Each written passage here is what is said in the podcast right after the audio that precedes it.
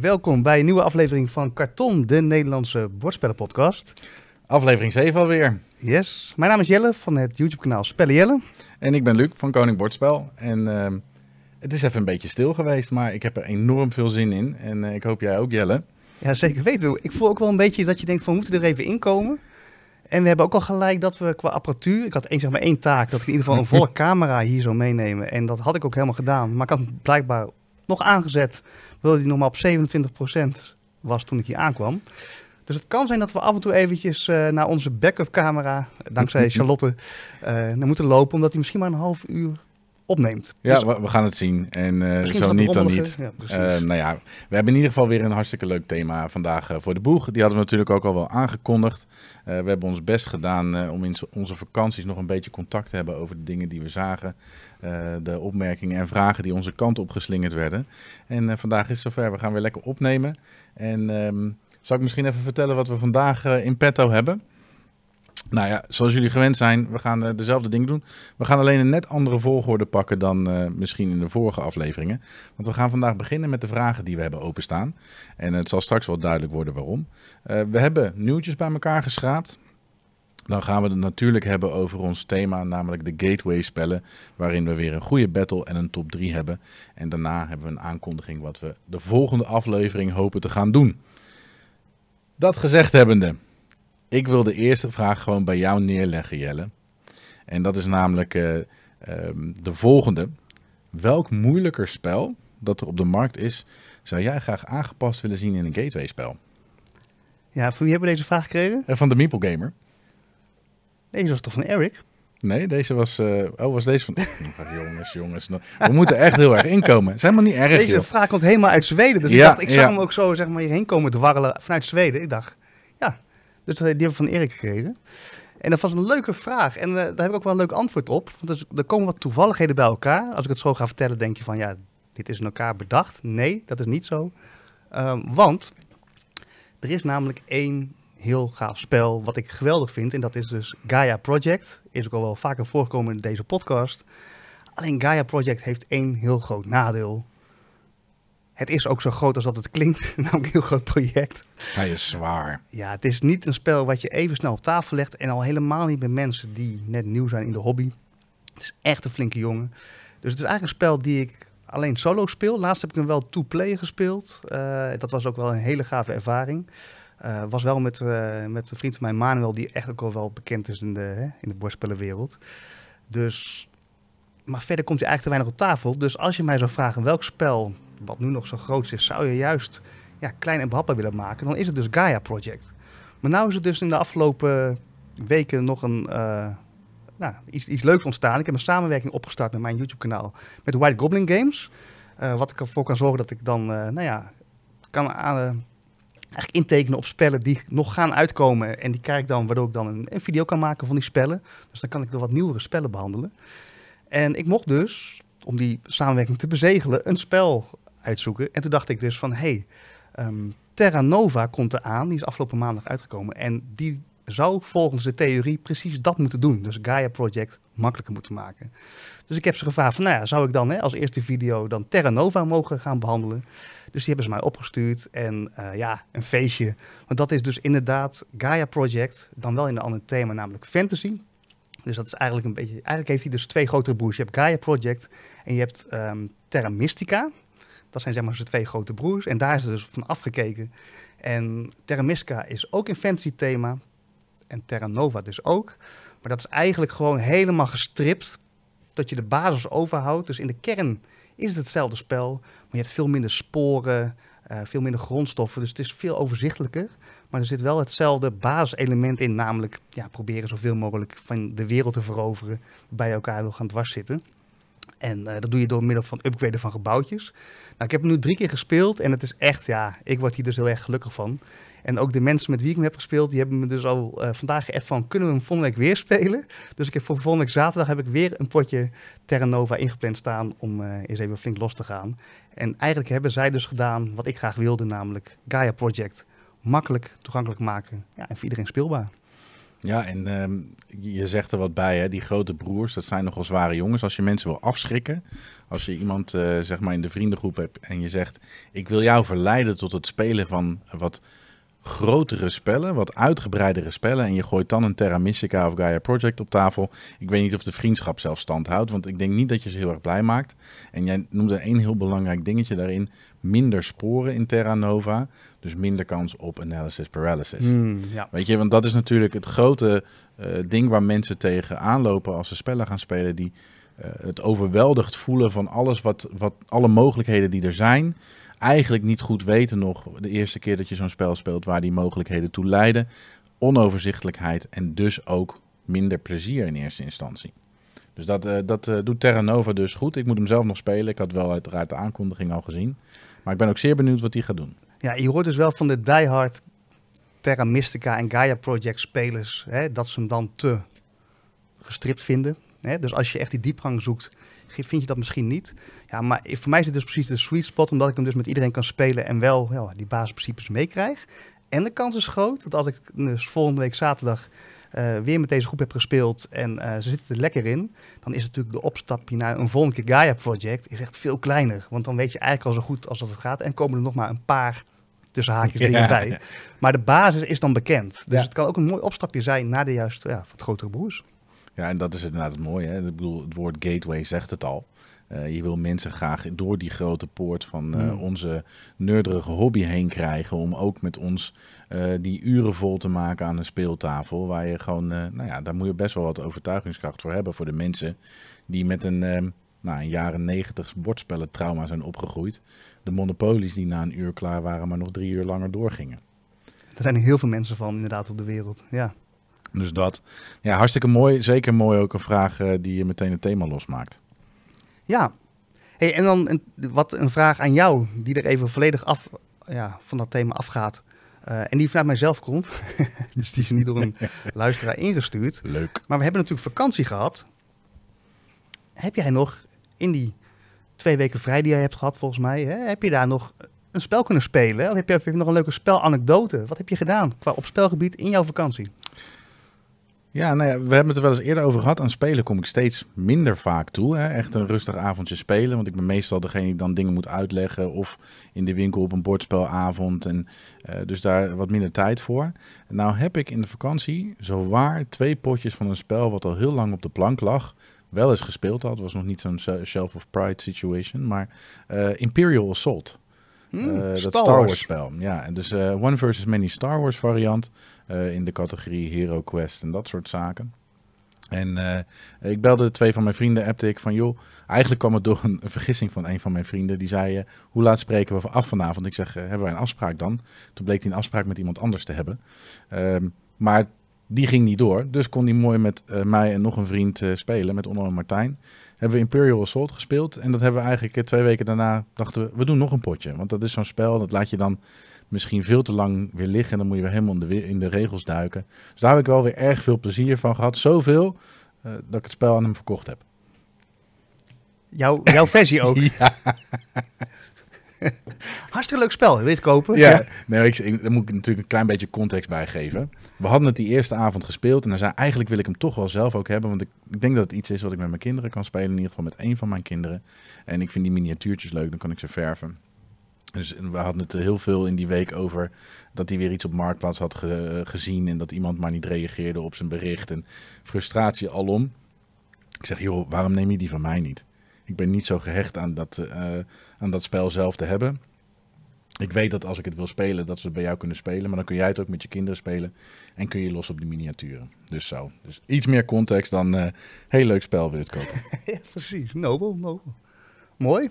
Ook fijn dat je inderdaad daar uh, toch even met, uh, met je vrienden even weer even ja, ouderwets hebt kunnen induiken. Ja, en we hebben het wel eens vaker over Charda en Charlotte gehad, hè? En Charda, die, de, wat is het, de Hogwarts Battle doet ze graag. Mhm. Mm -hmm. Charlotte houdt meer van de kleinere spelletjes, maar stiekem, stiekem vindt ze nu Disney Lorcana heel erg leuk. Mm. Dus wij spelen af en toe gewoon een potje Lorcana tegen elkaar. Vet. Ja, dus en dan wil ze ook de dobbelsteentjes erbij en een matje en dat soort dingen. Dus dan betekent dat ze een beetje aan is. Precies, en dat is nog maar het begin. Ik, uh, we, we, zullen het zien. Vet. Dus dat heb ik ook nog gespeeld op vakantie. En jij, heb je in de tent uh, met je dobbelsteentjes uh, Nou, ik heb nog wel een leuke anekdote inderdaad. Ik ben dus naar de Ardennen geweest eh, in een glamping tent. Dus ik ben wel een soort van, jij bent koning bordspel, ik ben een soort van koning glamping. dus ik eh, zat op zo'n eh Ardense camping in mijn tent. En s'avonds met Jarda dus een spelletje te spelen. En dan heb je natuurlijk ook overburen en buren naast je. En eigenlijk is dat ook een soort van mensen de hobby intrekken. Toen kwam dus mijn overbuurman even langs. Die zag ons spelen met z'n tweeën. En die maakte de opmerking... Een spelletje met z'n tweeën. Er zijn niet veel spelletjes die leuk zijn met z'n tweeën, hè? Oeps. En toen dacht ik, katje. Ja. Dus toen heb ik hem eh, nou, een, een wat genuanceerde beeld gegeven daarvan. Dus ja, ja, dan heb je natuurlijk een mooie aanleiding om te gaan hebben over spelletjes. En nou goed, toen ging het dus, eh, het contact was gelegd. En toen zei hij, nou we zitten, ik, hij zat met zijn drie kinderen daar. We hebben een spelletje en wij komen daar niet uit. Kan jij dan, hè, want hij kwam ook achter dat ik een YouTube kanaal had. Hè? Nou goed, dus Jelle zal het wel weten. Ik zeg, ja geen probleem, leuk hè. Dus die geeft mij een spelletje. Je hebt Uno, heb je. Maar je hebt dus ook DOS. Mhm. Die staat hier. ja, die hangt daar. Echt waar. Ik, zei, ik heb, ik heb uh, Uno wel gespeeld. Ik zei, nou kom maar op. Ik ben die handleiding gaan lezen.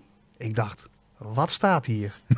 Bizar hoe ze zo'n makkelijk kaartspelletje zo ontzettend ingewikkeld uit hebben gelegd. Dus ik ben serieus, ik moest ook maar filmpjes gaan opzoeken. Dus ik heb uiteindelijk de spellenreporter, eventjes een shout-out, want dankzij jouw filmpje heb ik dus ook die regels. Dacht ik, oh, dat valt best mee. Mhm. Maar die regels zijn echt zo slecht geschreven. Wat wel leuk was, dus ik kwam achter hoe dat spel werkte. Dus ik heb toen s'avonds bij hun tent, hebben we met z'n allen DOS gespeeld. En uh, ja, het was wel hun laatste avond overigens. Wa- Wat is nou het grote verschil dan? Met Uno? Ja, dit wordt dus ingewikkeld, want dat kan ik niet echt... Kijk, Uno is gewoon, dat, dat kan je zelfs nog, je, uh, als je een aap als, als huisdier hebt, kan je het uitleggen. Ja. En bij DOS is het gewoon if dat, maar dan zo genuanceerd gemaakt dat je je kunt afvragen, is dit nog wel leuk? Maar het was wel leuk. Maar, ja. Ja, Goed verhaal, kortom, Jelle. Ga maar eens naar een filmpje kijken. Je denkt echt van, ja, het is, ja. Nou, laat ik zo zeggen, als het dus een spelletje is waarvan je zou zeggen, zullen we de handleiding eens herschrijven? Dit kan veel beter, namelijk veel makkelijker. Dan zou dat voor mij een spelletje zijn om uh, dat eens aan te pakken. Want dit gaat echt alle grenzen te buiten. Ja, misschien wel. Kijk, hoe komt dat nou? Denk ik. Ja, het is niet per se dat ik dat weet, maar Uno is en DOS ook zijn uit de Mattel-serie. Dus gewoon uh, de grote uh, speelgoedmaker Mattel. Uh, wie kent hem niet? Vroeger reclames. de Barbies zijn volgens mij ook van Mattel. Mhm. Mm -hmm. Ik hoop dat ik hier nu niet de plank missla. Maar um, volgens mij komen dat soort spellen dan gewoon de markt op. En hebben ze daar waarschijnlijk zelf mensen voor in dienst die volgens mij een Google Translate ergens doorheen jassen. Of in ieder geval zijn ze niet serieus genoeg om dat voor alle talen waarschijnlijk zorgvuldig te vertalen. Tenzij een uitgever in het land zelf die verantwoordelijkheid neemt. Hmm. Nou, volgens mij is het bij die Mattel-spellen is dat niet het geval. Gaat dat gewoon via distributiepartners, uh, waar wij ze ook bestellen, zeg maar gewoon uh, hier, je kan dit spel bestellen. Er zit meestal een meertalige handleiding bij voor de Europese markt. Dus dan heb je een Italiaans kantje, een Spaans kantje, et cetera. Um, maar volgens mij met weinig uh, zorg gedaan. Precies, ja. Ja, en ik had dus niet verwacht dat ik... Ik heb pas één ander spel waar ik ook niet uitkwam. Dat was uh, War of the Ring. Dat is een mega Lord of the Rings spel... waar ooit ook iemand uh, naar mij toe kwam van... kun je me dat eens mm -hmm. leren? Nou, daar kwam ik niet uit. Uh, en, we hebben, en, en ik had niet verwacht dat DOS ook in dat rijtje zou komen. Dat was dus ja, een spel waar ik niet uitkwam. Groot contrast. Maar jij kwam ook niet uit de automa van Wingspan.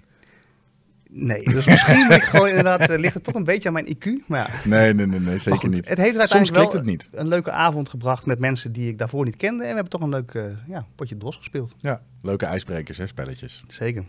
Hey, jij, jij, jij haalde allebei adem. Uh, ga je gang. Nee, nou ja, oké. Okay. Ik ga je gewoon gelijk toch, wel de volgende vraag stellen. Die komt trouwens ook van... Ja, Erik was goed op dreef. Je hebt drie ja. vragen in gestuurd. Is er een spel waar jij gewoon zo goed in bent... dat je die 99% van de tijd wint... en ja, waar je eigenlijk de master in bent? De koning... Van het bordspel. Van het bordspel. Ja. Poeh, kijk, ik uh, hou uh, de meeste spellen bij in mijn Boardgame Stats appje. Die zou ik erop kunnen nastaan. Ik weet wel overigens 100% zeker dat er geen enkel spel is wat ik meer dan vijf keer gespeeld heb en nooit verloren heb. dus dat erbij gezegd hebbende. Kijk, één keer spelen, één keer winnen zou ook een antwoord kunnen zijn op deze vraag. Maar het ging er volgens mij om, weet je het zeker dat je het altijd wint? Eh, antwoord, ik denk niet dat er zo'n spel voor mij is. Het is wel een spel wat ik bijna nooit verlies. Dat is boterkaas en eieren. Eh, maar dat geldt voor iedereen als je het eenmaal door hebt. Maar ik denk in die categorie kon ik één spel bedenken toen ik hierover nadacht. En dat zijn, eh, dat zijn een beetje van die abstractere spellen. En een daarvan is Pilos. En Pilos is, eh, de ene heeft eh, lichte kogels, de andere heeft donkere kogels. En je moet daar een piramide van bouwen om de beurt een kogeltje neerleggen. Eh, en degene die bovenop die piramide eindigt, die, die wint. Nou als je alleen maar die kogeltjes neerlegt, is de tweede persoon altijd bovenop. Maar er zitten een paar regels in. Namelijk als je een vierkantje weet te maken van je eigen kleur, mag je twee kogels van het bord terug op hand nemen. En op het moment dat je een verdieping omhoog kunt met je kogel, doe je dat vanaf het bord en niet vanuit je hand, waardoor je het initiatief de hele tijd ruilt. En daar zit een beetje een gehalte van kamertje verhuren in, eh, omdat je de patronen van die kogels op dat eh, bord moet zien. Eh, en daag altijd wel mensen in de winkel uit van, joh, als je me verslaat, dan krijg je 10% korting of zo. Dat vinden mensen dan ook altijd wel weer grappig om te proberen. Dat gebeurt niet vaak dat dat lukt. Daar moet je dus ook wel een soort van ruimtelijk inzicht voor hebben. Ja, Ik zou er echt beren slecht in zijn. ja, ja. Helaas, geen 10% korting voor mij. ik moet dan denken aan een van mijn Is, speltrauma's. is trouwens, dat- wat ligt daar? Ja, het is, het is die daar ligt inderdaad van Gigamiek. Eh hoi. Eh, het, het is ehm, Worden populair, hè? is gewoon steeds mensen meer voor de mensen die zwaaien. Ehm, wat wilde ik zeggen? Gigamiek. Nee, ik wilde wat anders zeggen. Eh, het ging over ruimtelijk inzicht. Ja, een van mijn trauma's. Ubongo. Ken je dat spel? Is dat met een boom waar je dingen in moet hangen? Nee, nee Ubongo is eigenlijk Tetris voor volwassenen. En eh, eh, je, legt, je draait een kaartje om en je probeert zo snel mogelijk de vormpjes na te maken op je bordje, je puzzeltje te leggen. En eigenlijk in een soort één op één strijd. En eh, ik dacht, oh, daar ben ik goed in. Toen ik die jaren geleden een keer op een dag bij White Goblin speelde. En eh, ik ging tegenover mensen zitten en we zaten zo in het gangpad in dat magazijn. Je kunt het zo voorstellen, zo'n groot magazijn. En ik kreeg elke keer zo op mijn flikker. Ik heb zo hard verloren dat ik eigenlijk voor het eerst in mijn leven het gevoel had dat ik een tableflip wilde doen. dat ik van dacht van hier moet ik eigenlijk goed in zijn, maar het lukt niet. Dus Ubongo is niet jouw spel. Nee, dus ruimtelijk inzicht. Misschien is Pilos wel jouw spel. Dus eh, probeer Ja. het een keertje. Ik ga het, eh, voor die 10% wil ik dat eens proberen. Maar heb jij, heb jij er eentje die eh, bijna altijd wint? Nee, dit is wel echt gewoon... Ik, kan- ik zal het gewoon vertellen, jongens. Want ik, ik hou heel erg veel van spelletjes spelen. Maar ik ben oprecht gewoon ook niet goed in spelletjes spelen. Nee, ik zeg het eerlijk. Ik heb er heel veel plezier in, maar ehm, ik ben... eh, ik ben gewoon niet... Ik ben ook niet echt uit op te winnen. Ik heb afgelopen week nog met mijn vriendengroep... waarin we altijd wel lekker fel met elkaar gingen spelen. En ehm, toen hebben we Kelis gespeeld. Kelis 1303. Nou, ik weet niet of mensen dat kennen, maar dat is wel echt een spel waarin je elkaar flink dwars kan zitten met een paard. Want als je dat paard bepaalde stapjes laat zetten, dan kan ervoor zorgen dat andermans acties niet doorgaan. Nou, je kunt je dus voorstellen, dus dat gaat dus in mijn brein, waar andere mensen dan aan tafel zitten en denken van, hoe ga ik deze ronde zoveel mogelijk punten binnenharken? Zegt mijn brein, hoe kan ik dit paard zo goed mogelijk gaan neerzetten, zodat anderen daar last van gaan hebben? En ik heb echt een feestelijk genoten die avond. Maar ik heb echt verloren met 27 punten en de rest had 40 punten of zo. Maar ik heb wel de tijd van mijn leven gehad. Ik ben gewoon niet zo goed in spellen. Maar ik vind ze wel leuk. Ja, ik moet er wel denken dat, eh, dat we het hadden over het feit dat hoe je spellen speelt misschien iets zegt over je persoonlijkheid. Zeker, ja, Ja. ik ben echt wel een klootzak, denk ik.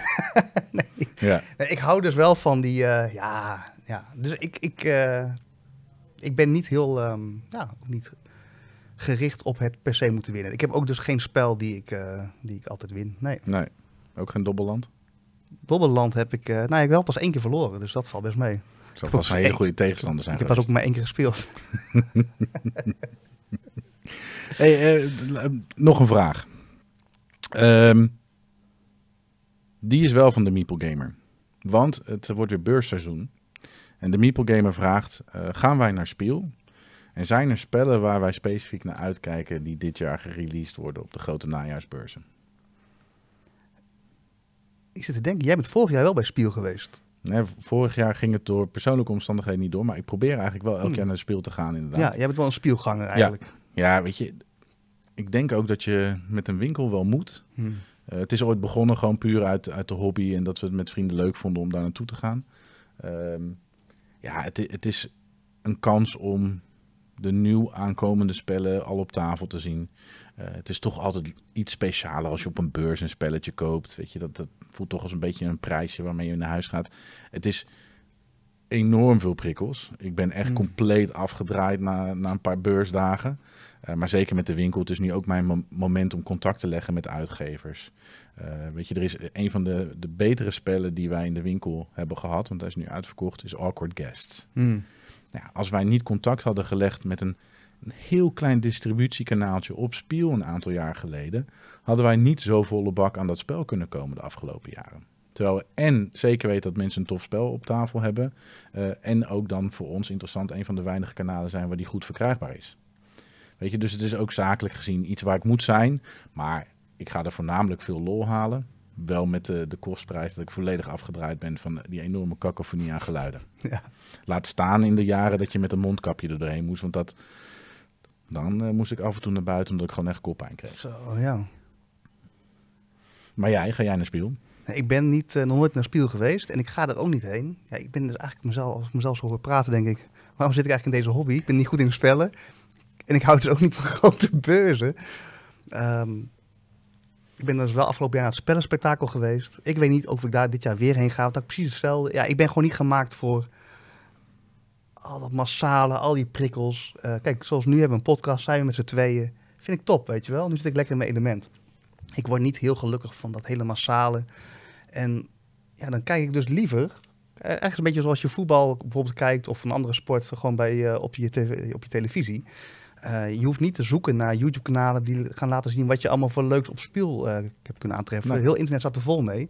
Dus ik vind het heerlijk om als speels geweest lekker gewoon ehm, nou ja, die video's te bekijken en op die manier informatie op te doen.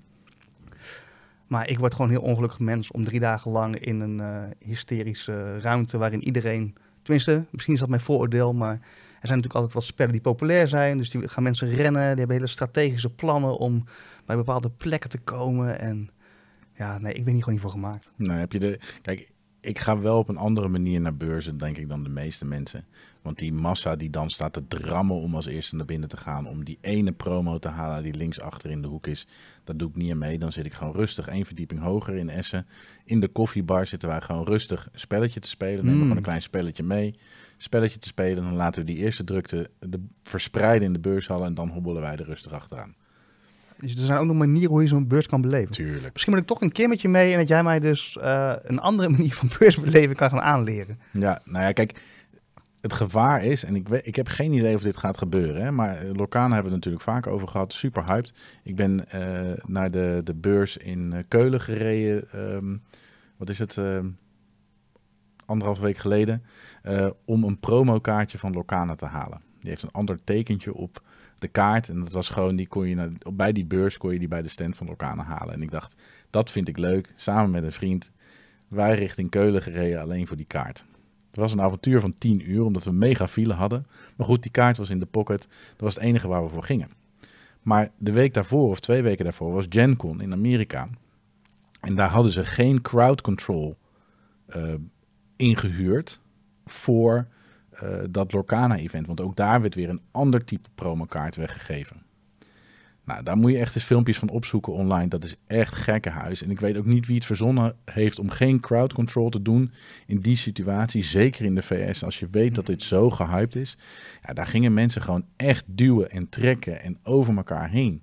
Terwijl volgens mij, maar goed, dat weet ik niet zeker, want ik was niet op GenCon, er echt genoeg promo's waren voor alle bezoekers. En dat was in Keulen ook zo. Wij zijn op zondagmiddag gegaan, eh, terwijl de beurs vanaf donderdag was.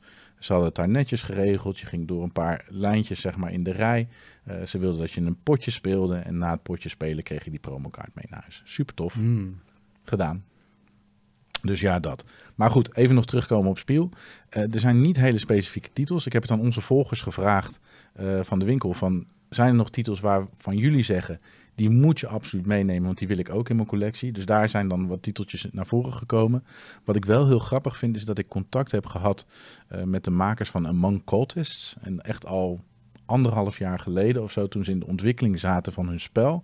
Een hidden role... ehm, groter groepsspel. En zij hebben het voor elkaar gekregen met hun, eh, met hun, met hun molen, hun, hun, hun uitingen op social media. Dat ze nu dus bovenaan die lijst staan van de hotness voor Spiel. En eh, dat vind ik best wel knap, want het is eigenlijk niet een, een goed te typeren spel. Ehm, maar ik ben wel heel nieuwsgierig en ik ga daar in ieder geval even kijken bij ze. Ook om ze gewoon een keer live te ontmoeten. Van joh, we hebben contact gehad, superleuk. En eh, ik vind tof dat jullie zo'n succes hebben. Want dat is het voor mij ook, hè. Die kleinere uitgevers die daar toch een podium kunnen krijgen. Misschien hun spel kunnen verkopen aan een grote uitgever en dus succes kunnen krijgen. En misschien ook nog wel wat bekende uit de bordspellen wereldwijde community natuurlijk. Hè? Wat bekende YouTubers of zo, die lopen daar, eh, lopen daar natuurlijk ook rond. Zeker. En eh, met eh, bijna een grote uh, bullseye op hun rug van zoek mij op en maak foto's met mij. Dus het is wel een beetje, ja, hoe zou ik dat noemen? Mm, Awkward guest. ja, nee, eh, nee maar eh, Tom Vassel, eh, die, die is er, wordt er vaak gezien. En weet je, dat zijn toch wel de gezichten die de meeste bordspelspelers goed kennen. Er lopen ook zeker heel veel Duitse YouTubers, want laten we niet vergeten dat Duitsland echt een groot bordspellenland is. En er Mm. gebeurt gewoon heel veel. En, en ook hoe leidend Duitsland is voor wat wij op de Nederlandse markt krijgen. Ik bedoel, 99 heeft gewoon een aantal lijntjes lopen met, met, met spelschrijvers uit Duitsland. Ja, weet je, dan kun je er donder op zeggen dat dat hier ook uitkomt. Ja. Dus een belangrijke beurs. Ga er zeker naartoe. Er zijn voor mij geen hele speciale titels. Dat had ik vorig jaar en het jaar daarvoor iets meer. Uh, maar goed, er zullen vast wel weer wat leuke dingen mee naar huis komen. ja, ik heb nog wel twee titels waar ik wel naar uitkijk als zo, die komen ook op speel en als ze dan zijn geweest. En één daarvan is uh, een puur solo spelletje. De vaste luisteraar weet ondertussen wel dat ik ook wel uh, hè, fan ben van uh, solo games. En uh, afgelopen jaar was dat, is uh, Resist uitgekomen. Dat is een puur solo spel waarin je een soort van, um, ja, wat is het? Frans, Spaans, leger, ja, in de legertijd zeg maar. Je bent een soort op, ja, opstand van het volk. En uh, nou ja, goed, um, ga je in zo'n oorlogsomgeving ja, omgeving eigenlijk proberen met kaarten nou, het spel te behalen. Is in ieder geval een gaaf spel. Een beetje slecht omschrijven hoe ik het nu omschrijf, maar zoek het eens op als je denkt van ik hou van uh, solo spellen. Het is dus echt een puur solo spel. Je kan het niet met meerdere spelers spelen. Maar die makers gaan nu dat spel hebben ze een soort van doorontwikkeld naar een tweede versie. En die heet Witchcraft. En dan ga je als het ware als een soort van groep van heksen een dorp beschermen tegen alles wat er buiten naar binnen komt. Uh, zonder dat jij, en dat zit, er zit altijd een grappige uh, rolverwisseling in. Je wil ook niet zomaar kenbaar maken aan iedereen dat je een heks bent. Dus de vraag is elke keer, blijf je een beetje onder de radar en heb je er wat minder sterkere acties? Maar kun je je kaarten vaak gebruiken omdat mensen nog niet weten dat jij een heks bent? Of ga je ouder die open zeggen, ik ben een heks, ik doe dit met magie en hè, dan worden ook je kaarten sterker. Maar kun je die kaarten ook niet nog een keer gaan gebruiken? Dus ik ben heel benieuwd uh, met een ander soort thema, of ja, hebben ze toch dit spel soort van doorontwikkeld? En uh, nou ja, als liefhebber van Resist wil ik deze ook zeker wel gaan aanschaffen. Nou, grappig, ik, ik hoor één ding. Je gaat solo spelen, maar je bent een groep heksen. dus uh, split personality required, zeg maar. Ja. Nou ja, je moet dus per, ja, per groep, dus per heks moet jij gaan bepalen hoe ga je die heks inzetten. En uh, dat was bij Resist ook zo. Um, ja, je gaat toch een beetje zo'n opstand leiden. Ga je dat al hè, zeggen van ik kom hier uh, een opstand brengen? Of ga je dat een beetje zo in het dorp onder de radar doen? Uh, waardoor je niet zo snel wordt opgemerkt, mm -hmm. maar waardoor de acties wel minder sterk zijn. Ja. ja. Wel, ga wel gave mechanismes hoor. Ja, en, en de ander? Ja, dat is dus, uh, die, die is van ook echt wel in de hotness al vaak naar voren gekomen. Dat is uh, Nucleum. Zeg je dat wat? Nee. Dat is een soort, ja, als je die doos ook ziet, dan zie je een soort van kernreactor met groene vloeistof erin. Een soort van dorp daarvoor. En dat moet een beetje een mix zijn tussen. Um, goed verhaal dit. Um, hoe heet nou weer het spel wat... Uh, oh ja, Brass Birmingham. Mm -hmm. En Barrage heb je ook nog. Dus dat mm. zijn wat meer spellen die mij qua thema niet echt pakken. Omdat het vaak gaat over kolen en, en mijnen. En, Industriële en, revolutie. Ja, precies. Ja. En dit spel is nu... Dat gaat daarop lijken. Dus dat heeft een beetje weg van dat soort spellen. Maar dan met een ander thema. Nou is een kernreactor niet direct ook een thema waar ik heel erg van warm loop. Maar de manier van hoe die... die uh, Kijk, het is nou echt uh, achtergekomen gaan. ja, dus we moeten echt een keer uh, handtekeningen uitdelen hier. Maar um, dat, ja, die andere manier van artwork en een ander thema uh, maakt me wel heel erg nieuwsgierig. Dus ja, die ga ik zeker in de gaten houden. Hm, interesting. Ik had wel, waar ik heel nieuwsgierig ben, maar dat heeft niks met speel te maken, is dat de Kickstarter van ICE is uitgeleverd bij de meeste mensen. En ik heb twee mensen in mijn omgeving die dat spel gebackt hebben. En dat, eh, soms ben je op zoek naar weer iets nieuws. En dit spel, ehm, de manier waarop je hem opzet, krijg je eigenlijk een soort dik speelbord waar je langzaam stukjes uit weghaalt en de diepte ingaat. Oh. Dus bijna een driedimensionaal ehm bord, maar dan niet het speelgoed wat vroeger het mooie vertoon was, maar wat nu echt een mechanisme schijnt te hebben waar mensen enthousiast van worden. Ja, En dat zijn wel van die dingen eh, die je, of je Kickstarter of Gamefounder, of op dat soort beurzen ga je dat soort spellen kunnen ontdekken. En ehm, ja, dat zijn niet de spellen die vaak vertaald worden voor de Nederlandse markt. Dus dat zijn de spellen die ook dan maar een jaartje verkrijgbaar zijn en dan daarna waarschijnlijk geen tweede printrun gaan Mhm. krijgen. Maar dat kunnen wel de, de juweeltjes uit je collectie worden. ja. ja, het is wel gaaf om die dan eh, te ontdekken. Overigens eventjes een, eh, ik zie dat die camera alweer is uitgevallen. Die gaat inderdaad zo'n 30 minuten afspelen. Doen we gewoon een, eh, een leuke foto van die, een willekeurige unicorn of zo. eh tussen dat stukje waarvan je denkt van, hé, hey, waar is beeld gebleven? Ja, weet je, we hebben niet, ehm, we hebben niet voor niks die camera nog gehaald. Dus Nee, eh, laten we hem dan maar gewoon weer aanzetten. Top. Hey, hebben we nog meer vragen? Volgens mij hebben we er nog twee die ik zo eh, voor mijn hoofd heb. Eén is van Dennis Hofman. Die vroeg ons, ehm, als we moeten kiezen, roll and ride of flip and ride. Dat is deel 1 van de vraag. En daarna deel 2, zijn wij voorstanders van het plastificeren van de blokjes of niet? Ik wil hem Ja. eerst bij jou neerleggen. Nou, doe jij maar eerst, want ik ben net te veel antwoord geweest. Roll and ride of Kijk, flip and ride? Het is een ge- gewetensvraag, het tweede deel in ieder geval. Maar ehm, ik weet het niet zo goed, het antwoord. Ik denk dat, zeg maar, zonder dat ik daar een bewuste gedachte achter heb, dat de roll and rides dan mijn voorkeur hebben. En dat komt omdat de flip and rides die ik in mijn collectie heb, toch gewoon minder vaak op tafel komen. En dat ligt natuurlijk niet alleen aan mezelf, dat ligt ook met wie ik speel, of met Charlotte is, of met andere mensen. Dat zijn toch de spellen die dan wat sneller tussendoor gaan komen. Ehm, weet je, Quicks heb ik plat gespeeld in het verleden. En ook alle varianten, maar ook de Clevers en de keer op keers. En dan, als ik dan aan flip and rides denk, dan denk ik aan tracks. Super grappig flip and ride spelletje waar je patroontjes, of je eigenlijk de volgorde in kleuren moet aftekenen. Cartographers, niet echt mijn ding. Eh, Welcome to. Leuk, maar ook niet echt mijn ding. Dus ik denk dat mijn voorkeur dan uitgaat naar roll and rides. Hmm. Jij? Ik eh, voor eh, flip and ride. En misschien weer even voor de mensen die niet weten hè, wat we hier eigenlijk überhaupt mee bedoelen. Bij een roll and ride rol je dus vaak dobbelstenen. Daar komt iets uit en vervolgens ga je met die informatie op die stenen iets ja, writen. Dus iets op een papiertje zetten en dat gaat je scores opleveren. En bij een flip and ride doe je eigenlijk precies hetzelfde, maar dan flip je dus een kaart. In plaats van dat je met dobbelstenen rolt, ja, pak je een kaart van een stapel en doe je dan vervolgens daar iets mee. En waarom ik dus een groot voorstander ben van eh flip and rides, is omdat daar iets meer strategische strategie bij komt kijken. Want de geluksfactor bij roll and ride, die is, al, die is altijd aanwezig, elke keer weer. Maar bijvoorbeeld, een van de spellen waar ik de laatste tijd eh, en ook op vakantie voor heb gespeeld, is Next Station Tokyo en Next Station Londen. En dat is dus een flip and ride. Van Mhm. een dekje kaarten pak je dus een kaart en dan weet je waar je naartoe mag gaan tekenen op een plattegrond van de metro. Maar dat betekent dus ook dat je op een gegeven moment weet van, hey, in dat dekje zitten bijvoorbeeld twee driehoeken. Wat wil zeggen dat ik een lijntje vanuit mijn basisstation naar een driehoek mag tekenen.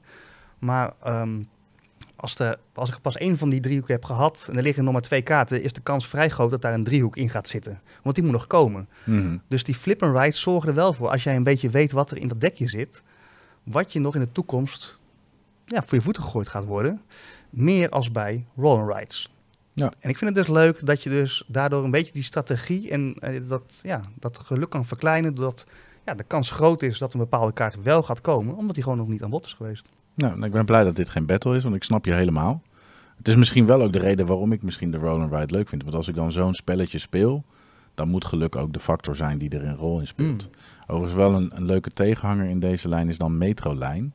Ook een flip and ride van eh 999. Eh, maar daar moet je het dekje af en toe herschudden als je een bepaalde kaart, bepaalde kaart hebt gekregen.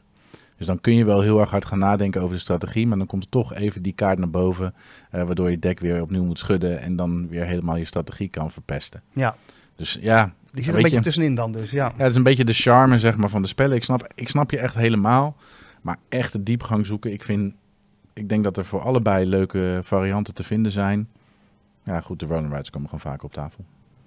Maar goed, dan jouw gewetensvraag. Zou je dan vervolgens, als je dan zo'n eh, zo'n mooie roll and ride hebt...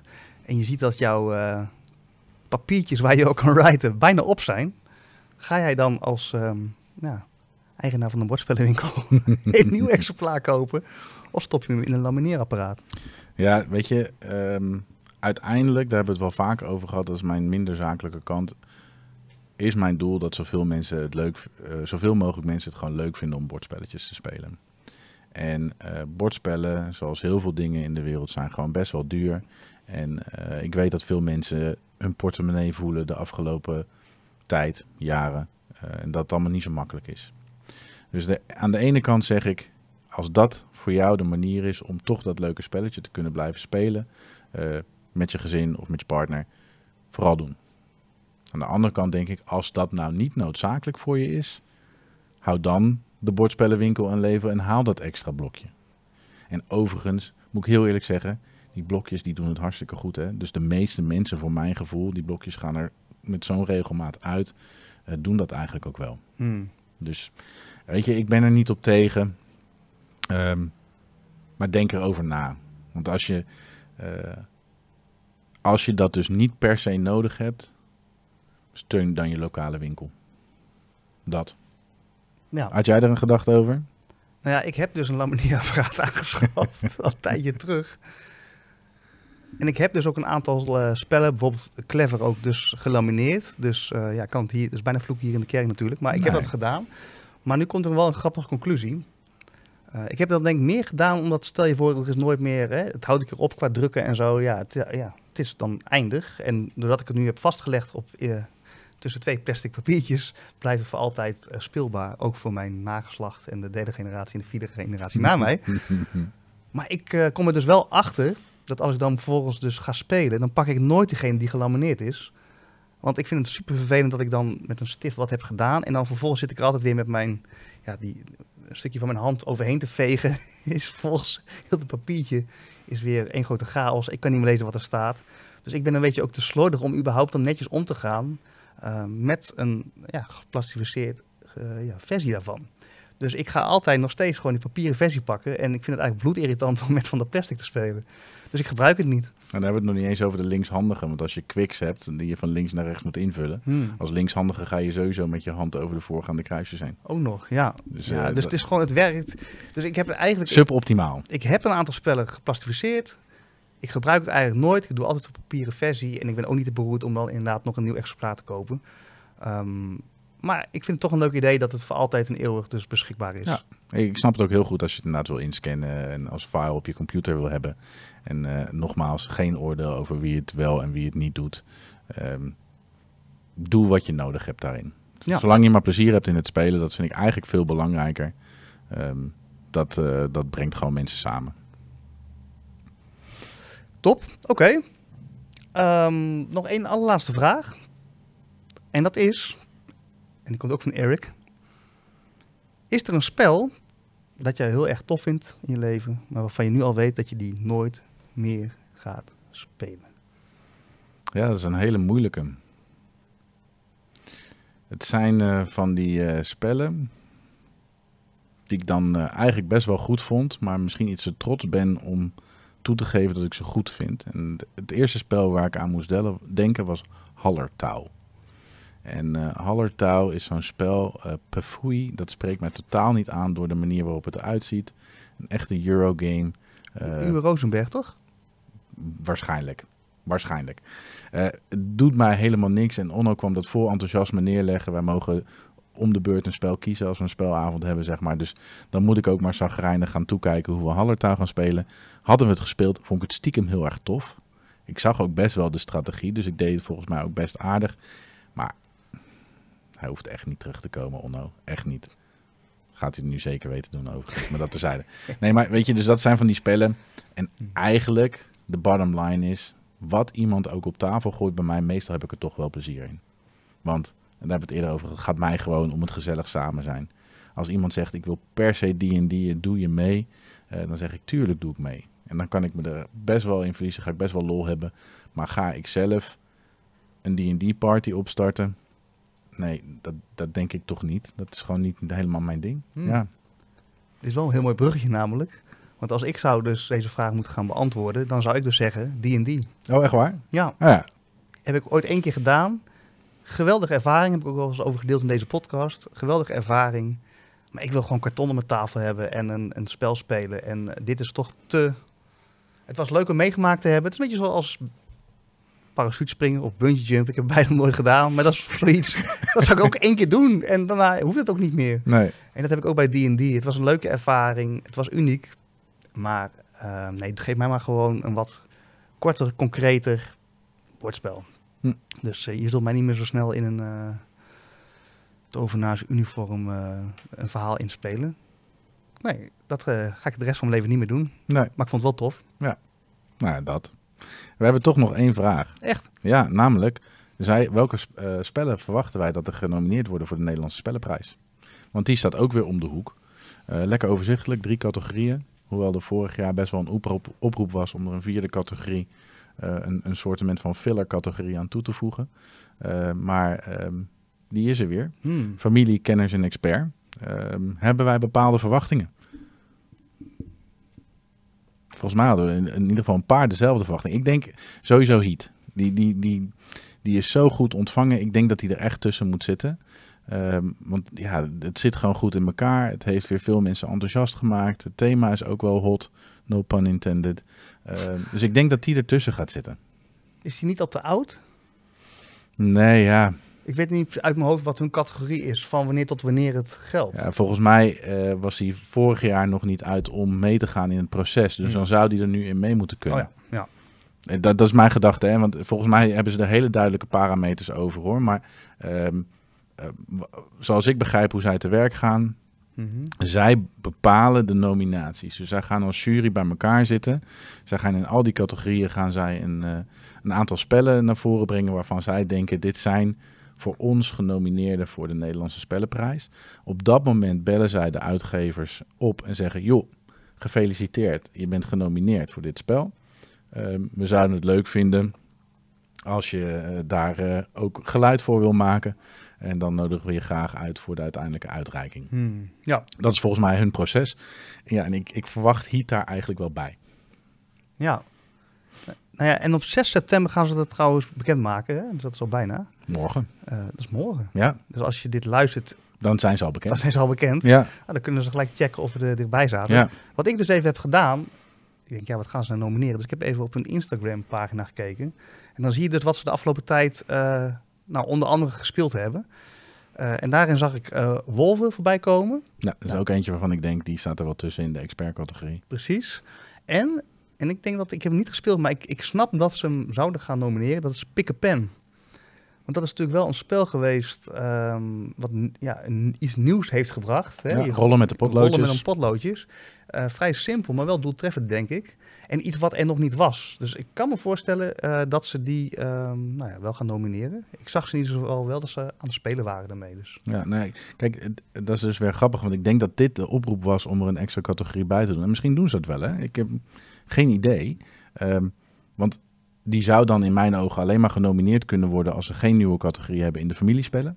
Hmm. Gewoon eh, qua leeftijdstoegankelijkheid en manier van spelen.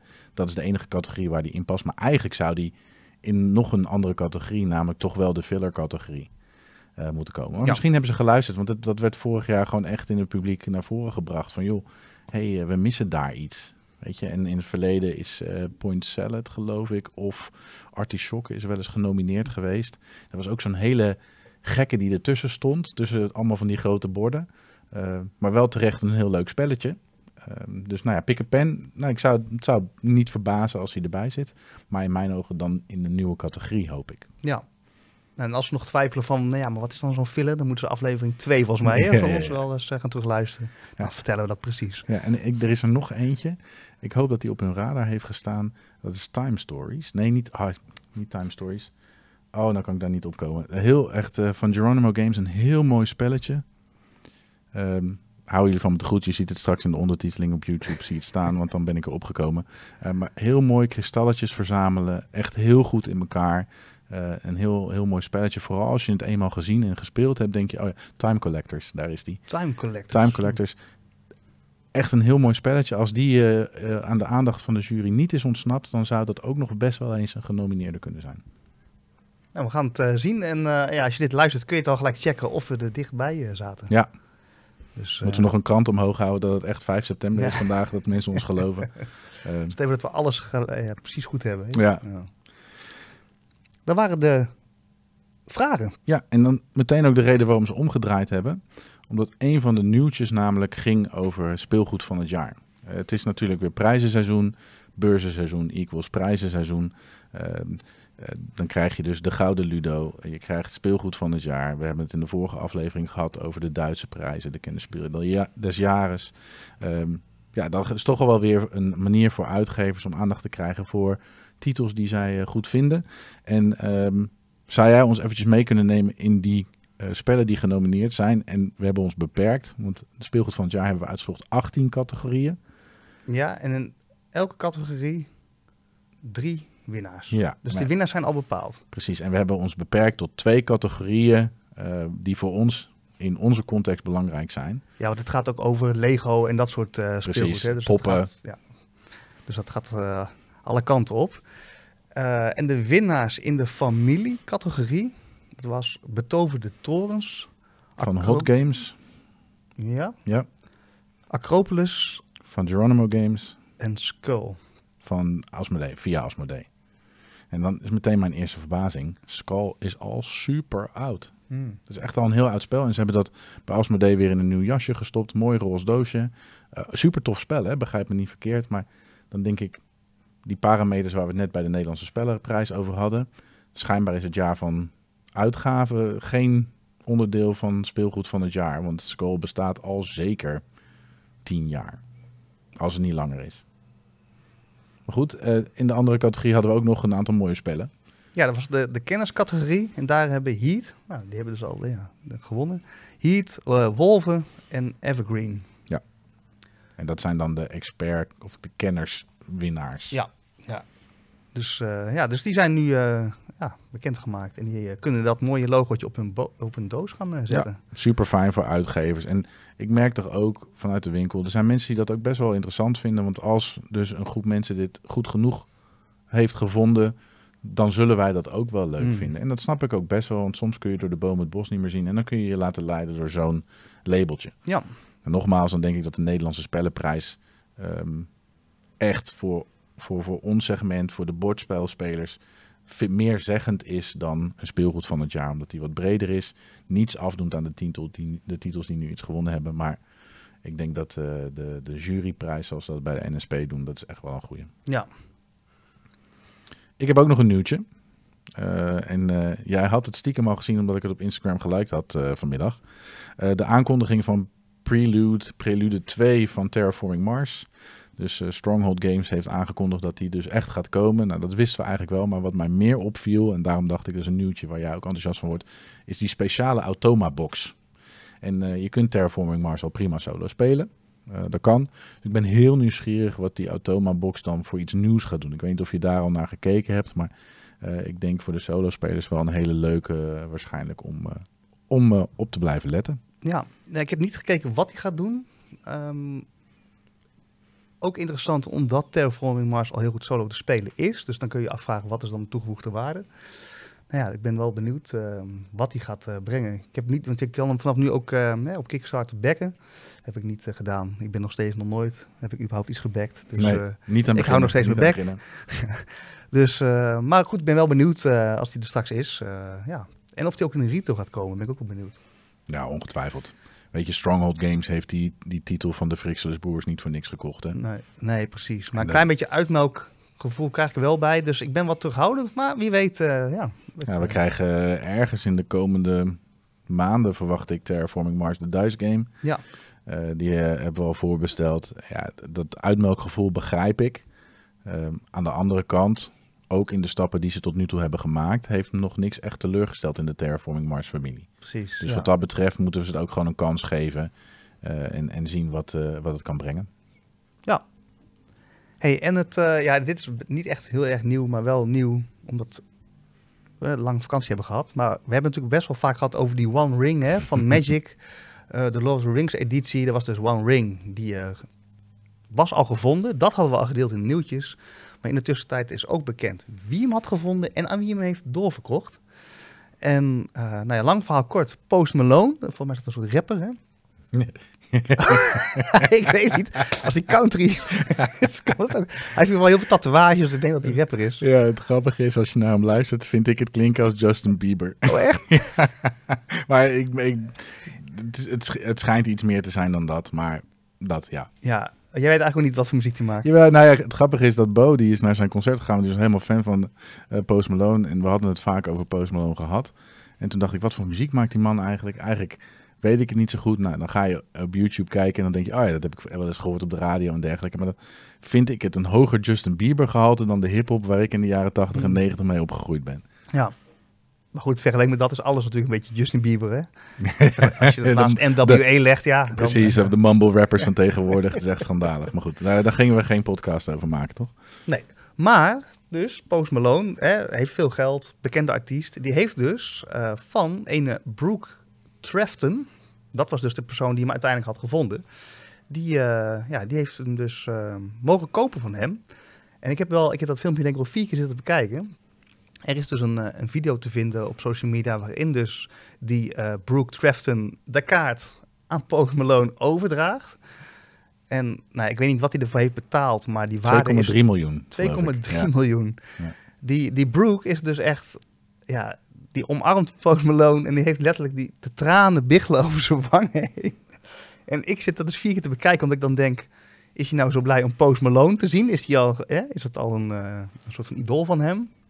Is hij blij dat er iemand zo gek is om voor 2 miljoen die kaart van hem te komen, dat hij dus nu miljonair is? Uh, ja, ik vind het dus super interessant. Wat, wat speelt er in zijn hoofd af? In ieder geval is hij enorm emotioneel en blij. En uh, ja, het is een soort van aflevering van vroeger van Robert de Brink, die All you need is the one ring. ja, precies. All you need is the one ring. Ja, en, het, en het grappige is, ik zei het net nog voor de aflevering, zei ik nog tegen jou. Op het moment dat die set werd aangekondigd en die hype rondom de One Ring uh, losging, heb ik in ieder geval tegen meerdere mensen het volgende verhaal verteld. Uh, ik wil die One Ring trekken. Dat wilde iedereen natuurlijk sowieso uit zo'n pakje halen. Niet vergeten, die werden alleen maar aangeboden, die kans op die One Ring, alleen maar in collector boosters. A 40 euro het pakje. Hè? Dus dan betaal je 40 euro voor 12 kaarten. Uh, een doos kost al gauw tussen de 400 en 500 uh, euro om een volledige collector doos te kopen met 12 pakjes. Maar ik had ze voorbesteld met het idee, dit vind ik spannend, dit vind ik tof, ik ga daar een filmpje van maken of whatever. Met de hoop, ik haal die One Ring zo eruit. En er is ook van die, die, die Brooke Trafton een filmpje dat je zijn handje helemaal ziet trillen. Want dit kan niet waar zijn dat ik die ene serialized one ring to rule them all eruit haal. En mijn idee was dan, ik haal dat ding eruit. Fuck al die veilingbedrijven. Ik bel Post Malone ja. op. Heb ik hardop gezegd tegen mensen. Ik bel hem op. Ik zeg, Post Malone, moet je luisteren. I'm gonna slide into your DM's. Ik heb die one ring. Ik weet dat jij een Magic fan bent. We gaan niet naar het veilinghuis. Ik kan jouw geld besparen. Je mag voor 1 miljoen mag je die kaart van mij kopen. Dan vlieg je mij en een groep vrienden over. En je, je, je wined en dined us een paar weken daar uh, bij jou in de buurt. Dan krijg jij gewoon van mij die one ring en ik 1 miljoen. Zijn we allebei super blij. Bespaar jij je wat geld. En wat gebeurt er? Post Malone koopt die fucking ring. Ja, en jij zit hier ook nog steeds samen met mij in Amersfoort uh, achter een microfoon. De dag, de dag dat die gevonden werd, ik weet niet of ik dat de vorige keer gezegd had. Toen zat ik naar die, die dozen met collector boosters te kijken. En uh, toen kwam er een klant in de winkel, Aaron, en die zei: Heb je die ook? Ik zeg ja, maar eigenlijk niet in de winkel, want ik wilde ze in mijn eigen collectie hebben. En toen zei hij: hm, hm. Ik zeg, nou, weet je wat? Um, mijn droom is een utopie. Als jij graag, als jij verknocht bent geraakt aan die, aan die serie, jij mag die doosjes kopen. Hij heeft die, allebei die doosjes van mij gekocht. Nou, ik heb gezegd hoeveel geld dat uh, moet opleveren. Dat is best een smak geld.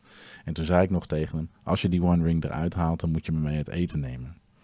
Toen liep hij weg en toen dacht ik, fuck, dat wil ik helemaal niet. Want als hij die One Ring eruit haalt, dan had hij van mij kunnen zijn. Nou ja, gelukkig niet voor Aaron, maar wel voor mij zat hij daar dus niet bij. Nee. Overigens nog wel even een kleine berekening. Jij zegt net van uh, hoe gek daar is dat je dus zo'n boosterbox 12 kaarten voor 40 euro kon kopen. Mm -hmm, dat is een pakje. Ja, dat is belachelijk veel geld. Mm -hmm. Maar vertel me ongeveer net daarvoor dat jij uh, voor één kaart, één promokaart, 10 uur in de auto naar Duitsland hebt gezeten. nou, ik denk dat je qua benzinekosten daar ook wel, uh, dus voor één kaart ongeveer wel 80 euro hebt betaald. Nou ja, dat, dat, dat klopt. Maar dat is, dat is inderdaad waar. Je hebt helemaal gelijk. Maar dan wist ik welke kaart ik ging halen. En eh, die reis van 10 uur, die had eigenlijk gewoon een uur en drie kwartier heen en een uur en drie kwartier terug moesten zijn. Maar ja, eh, mega veel file op de weg terug. Ja, nee, klopt. Gekke dingen, we doen het allemaal wel eens. Maar goed, ik wist wat ik ging halen. Precies. Maar over, over gekte gesproken trouwens, eh, die ene promokaart van Disney Lorcana. Het is ook niet normaal wat er is gebeurd. Hè? 18 augustus ging het in de speciaalzaken los. Eh, we hadden een grote release party georganiseerd. Sowieso voor alle mensen die voorbestellingen hadden gedaan om het op te halen. Maar in hele, het hele land ging het los. En vanaf 1 september zou het overal verkrijgbaar moeten zijn. Nou, probeer nu nog maar eens iets van Lorcana te vinden. Misschien vind je nog wel eens wat boosters. Misschien nog een starter pack. Maar vooral de treasure trove en de gift set. Het is niet normaal wat daarmee gebeurd is. Eerlijk gezegd ben ik er ook een klein beetje verontwaardigd en boos over. Ehm, aan de ene kant supergoed, want voordat het überhaupt 1 september werd, waren wij uitverkocht. Dus waren al onze producten van Lorcana op een paar sleevejes en deckboxen na verkocht. Dus dat is super fijn voor de winkel. Uh, maar waar ik nou een beetje verontwaardigd over ben, is dat er mensen zijn, inclusief winkeliers, die soms wel het vijfdubbele vragen dan het, de adviesprijs. Zo'n Treasure Trove had een adviesprijs van 59,95. Wij verkochten die voor 54,95 in de voorkoop. Ik heb superveel mensen moeten teleurstellen omdat we niet genoeg kregen. Dat, vind ik echt, dat vond ik echt al heel vervelend. Hmm. Dat is gewoon niet leuk om te doen. Maar goed, iedereen had van die schaarste gehoord. Dus uh, mensen zeiden jammer, maar zo so be it. Uh, maar die gaan dus gewoon voor 230, 250 euro. Niet alleen op de zwarte markt, zeg maar. Maar ook gewoon vanuit winkels. En ik, ja, dan kom ik terug op dat, uh, het verhaal van de, de, de geplastificeerde briefjes. Die spellen moeten gespeeld worden. Als je met z'n allen wil dat Lorcana voor langere tijd op de markt is. En het is echt een superleuke trading card game. Veel lichter dan uh, de meeste Magic spelers nu in Magic vinden. Dus die zullen daar misschien niet naar overstappen. Maar wel toegankelijk voor anderen. Dan moet het gespeeld worden. En als mensen het alleen maar kopen om op de plank te zetten in de hoop dat het over 20 jaar 1000 euro waard is, of 2000 euro, of van mijn part 10.000 euro, dan wordt het niet gespeeld en gaat de hele card game uiteindelijk niet lang leven. Nee. Dus geef alsjeblieft geen 250 euro aan een treasure trove. Het is echt zonde. Nou, wel leuk om te horen dat hè, je hebt natuurlijk uh, je best gedaan om Disney Locana in deze podcastserie steeds te promoten. Ja. En dat, ja, dat je dan toch voor elkaar hebt gekregen dat het zo'n succes is geworden. Ja, en, deze podcast. En, en mensen blijven, mensen blijven dankzij deze podcast. Ja. Nee, maar wat ik dus tof vind, we zijn uitverkocht, maar het zit hier gewoon wel op de eventdagen gewoon vol met mensen die lekker zitten te spelen. Afgelopen zondag ook. Er zitten gewoon uh, een kleine twintig man zit gewoon spelletjes te spelen. En alleen maar omdat ze het leuk vinden. Natuurlijk, ze scoren wel wat puntjes voor het toernooi, dus er kunnen wat prijsjes gewonnen worden. Maar gewoon echt omdat ze het spel leuk vinden, het klikt. Super mooi artwork. Ja, ik ben zelf stiekem ook gewoon gaan spelen, wat ik al zei met Charlotte. Dus ja, dat. Maar goed, uh, set 2 komt 18 november. Weten jullie dat ook weer? Wel, ik moet het wel een keer gaan spelen, hoor, want ik ben wel... Uh, ja, er is trouwens dus niks meer te krijgen, maar ik moet het wel een keer mee gaan maken, want... Ik moet in ieder geval een beetje kennis hebben van wat deze hype betekent. En uh, ja, volgens nog uh, sta ik daar helemaal buiten. Maar goed, wat niet kan nog komen. Zeker. Ik heb nog één ander nieuwtje voor je. Ja, gooi hem erin. Uh, had ik jou verteld dat Roel een uh, solo variant heeft geschreven voor een match en daar uh, feedback op heb geschreven? Had hij naar jou gestuurd, hè? Nee. Maar heeft hij het niet naar jou gestuurd? Ik dacht dat hij het ook bewust naar jou heeft zou sturen. Heeft hij dat echt gedaan? Ja, hij staat op Bordspelmania. Roel is een van onze vaste klanten, zeg maar vriend van de winkel. En Roel is een echte solo-speler, daardoor ook jou gaan volgen. En nou ja, echt fanatiek, hè? van de ISS Vanguard zware spellen tot de wat kleinere spelletjes. Maar het moet solo speelbaar zijn, want zijn partner die houdt niet van spelletjes spelen. En een match had hij een paar keer in de winkel gezien. Hij vond het leuk. En hij dacht, daar moet een solo variant van te maken zijn. Dus hij heeft een fan-based solo variant geschreven. Oh. Die heeft hij op Bordspel Mania gegooid. Uh, of misschien zelfs wel op Board Game Geek, dat weet ik niet zeker. Van jongens, schiet er maar op. Ik heb wat geprobeerd, wat vinden jullie ervan? Volgens nog alleen maar hele leuke reacties. Misschien voor jou ook uh, tof om uit te proberen. Oh, want ik heb dus inderdaad mijn wens uitgesproken in een vorige aflevering. Dat een match hè, solo, dat lijkt mij uh, ja, super. Er komt binnenkort dus een officiële hè, variant van ja. match die dat al heeft.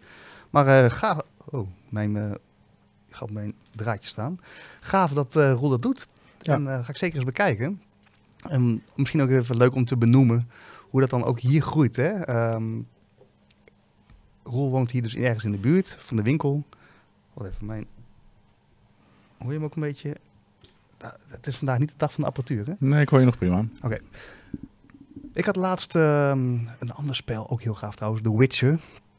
Fantastisch. Er zijn de meningen trouwens wel over verdeeld. Oh, nou, die mensen die dat niet leuk vinden, die eh, hebben geen smaak. Nee, echt geweldig. Ik ben overigens ook fan van de serie en de boeken. En, eh, maar goed, eh, dat buitenlaten. Die, daar heeft dus ook iemand een hele goede solo bot van gemaakt. En daar kan je dus die, die kaartjes moet je dus uitprinten.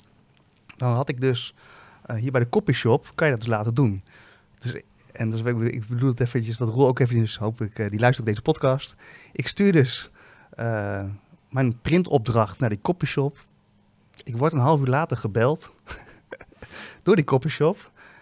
En die zegt van, eh, ja, ik, ik heb je printopdracht gezien. En volgens mij is dat van een bordspel, hè? En ehm, ja, je hebt een bepaalde dikte, maar er komt hier vaak, ja, dat, die ken je misschien niet, maar er komt hier altijd een klant. En die is altijd ook van solo spelen. En ik weet precies welke dikte ik kan gebruiken. Dus ik zou je adviseren om één laagje dikker te gaan, zodat je de perfecte kaartjes hebt. Ja, ja. Dus ik zei ook, is dat toevallig Roel? Ja, zegt hij. dus, ehm, dus ik heb nu hele goede kaartjes gekregen. Dus dan zie je al dat zelfs zo'n copyshop, met iemand die eigenlijk zelf nooit bordspellen speelt, al gewoon kennis heeft hoe die voor de solo-speler de beste kaartjes kan printen. Hoe Ja. vet is dat? Ja, maar dat is wel echt heel leuk. Shout-out naar Arnoud, want die heeft jou gebeld, weet ik zeker. Eh, die, eh, die werkt hier bij de copyshop. En eh, dit is wel gewoon een beetje hoe het hier in ons winkelcentrumpje ook werkt. Eh, we hebben gewoon een goede klik met elkaar. En wij zorgen dat we, als wij iets te printen hebben, zoals de nieuwe bordjes die boven de schappen hangen, dat we dat dan hem laten doen. Ondanks dat het misschien online een stukje goedkoper kan. Weet je, ondersteunen elkaar. Hij draagt ons een warm hart toe. Dus, nou ja, en dan dat soort dingen onthoudt hij dan. Zo is hij gewoon. En dat vind ik gewoon echt heel tof. Ja, en dan is ook nog bellen, hè? Dat is toch gewoon Ja. vet? Gewoon even bellen van, hé, hey, overleggen. Ja, Ah, en hij springt nu ter plekke uit. We gaan hier weer een unicorn eh, foto inmonteren. Ik ga ondertussen een beetje volpraten. Ga jij de camera weer aanzetten? Ja, mag jij eh, misschien eh, vertellen over onze volgende stap? Nou, ik heb nog één, één nieuwtje ook. En dat ga ik gewoon even vertellen zonder jou erbij. Want een van de spellen die ontzettend gaaf is, zowel solo als multiplayer, is Dune Imperium. En nou komt er eind kwartaal, ja, dus eind dit jaar, rondom december, komt er dus op Steam de digitale versie van Dune Imperium. Dus dat betekent dat je hem gewoon zelf eh, nou ja, kunt gaan spelen op de digitale versie. En ik heb even gezien hoe het eruit zag en dat zag er wel echt super vet uit. Dus eh, ja, als groot liefhebber van eh Dune Imperium dacht ik van ja, die ga ik natuurlijk sowieso downloaden, TZT, op mijn PC. Heb ik ook nog gespeeld deze zomer. June Imperium. Wat vond ik die vet. Ja, vond je vet? Ja, ik vond hem echt heel vet. Ik greep wel op dat Battlefield elke keer mis, elke ronde. Dus ik werd elke keer net buiten de punten geflikkerd. Maar ik vond June Imperium echt heel tof. Cool hè? Ik snap niet dat Bastiaan een 2 heeft gegeven. Heeft hij me twee gegeven? Ja, Wat een flapdrol. Nou ja, omdat er dus randomness in zit. Hè? Je hebt het Battlefield. En dan kan je dus daarna nog allemaal kaartjes. eh je kunt die vlaggetjes erbij gooien en je kunt met je, je battlekaart... Oh ja, dat, dat klopt, dat wist Ja, ik. dat, ja, intrige, beetje- je hebt dus. Ja, en Bastiaan vindt het dus niet leuk dat je vanuit het niets bepaalde intrige kaarten kan hebben, waardoor je zo'n battle wint. Ja, ik vind dat dus de kern van intriges. Ik bedoel, dat ging vroeger al bij goede tijden, slechte tijden met eh, Robert en Laura. Ja, weet je wel. Ja, Ja, weet je wat het is? Bastiaan kan, er gewoon niet, ja, Bastiaan kan er gewoon niet zo goed tegen als die eh, een hak wordt gezet. Want hij is normaal gesproken degene die hakken zet. Hmm, ik dat denk is dat het. hem daarin zit. Nou, dan gaan we eens even met hem uitzoeken. Ja. Bon. Zullen we naar eh, ons eh, themaatje gaan? Ja, goed idee. Want we hadden besloten gateway spellen.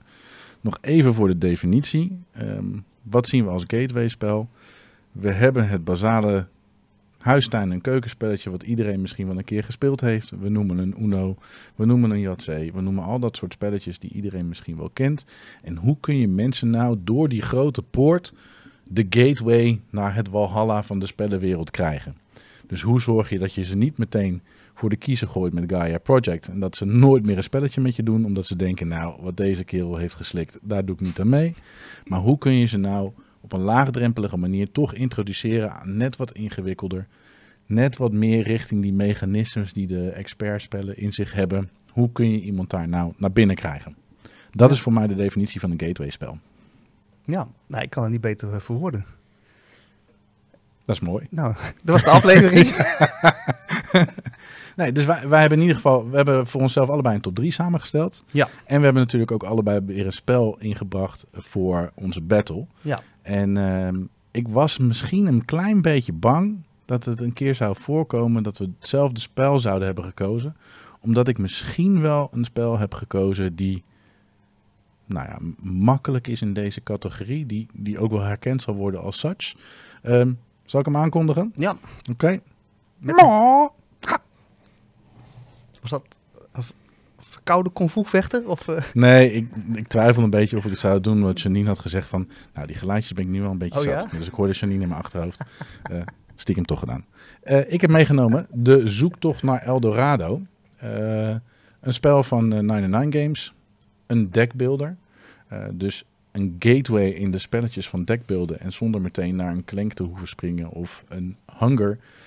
is dit een manier om mensen te introduceren aan hoe werkt het principe van deckbeelden.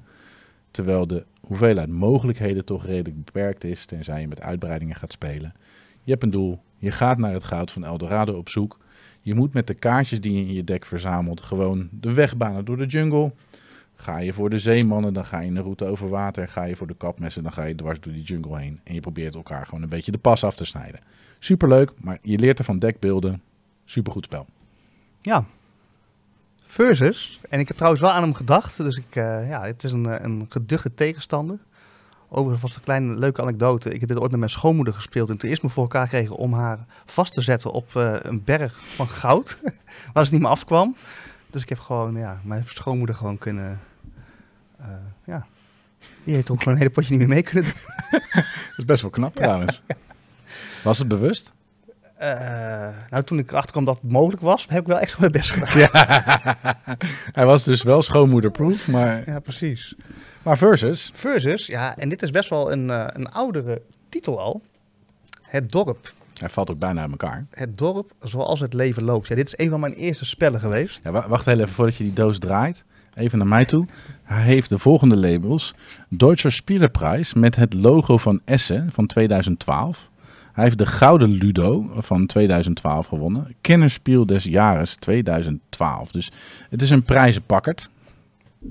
Dus bij deze heb ik al gewonnen. Hè? Nee, Er zeker niet. Minder prijzen, meer prijzen op bij jou.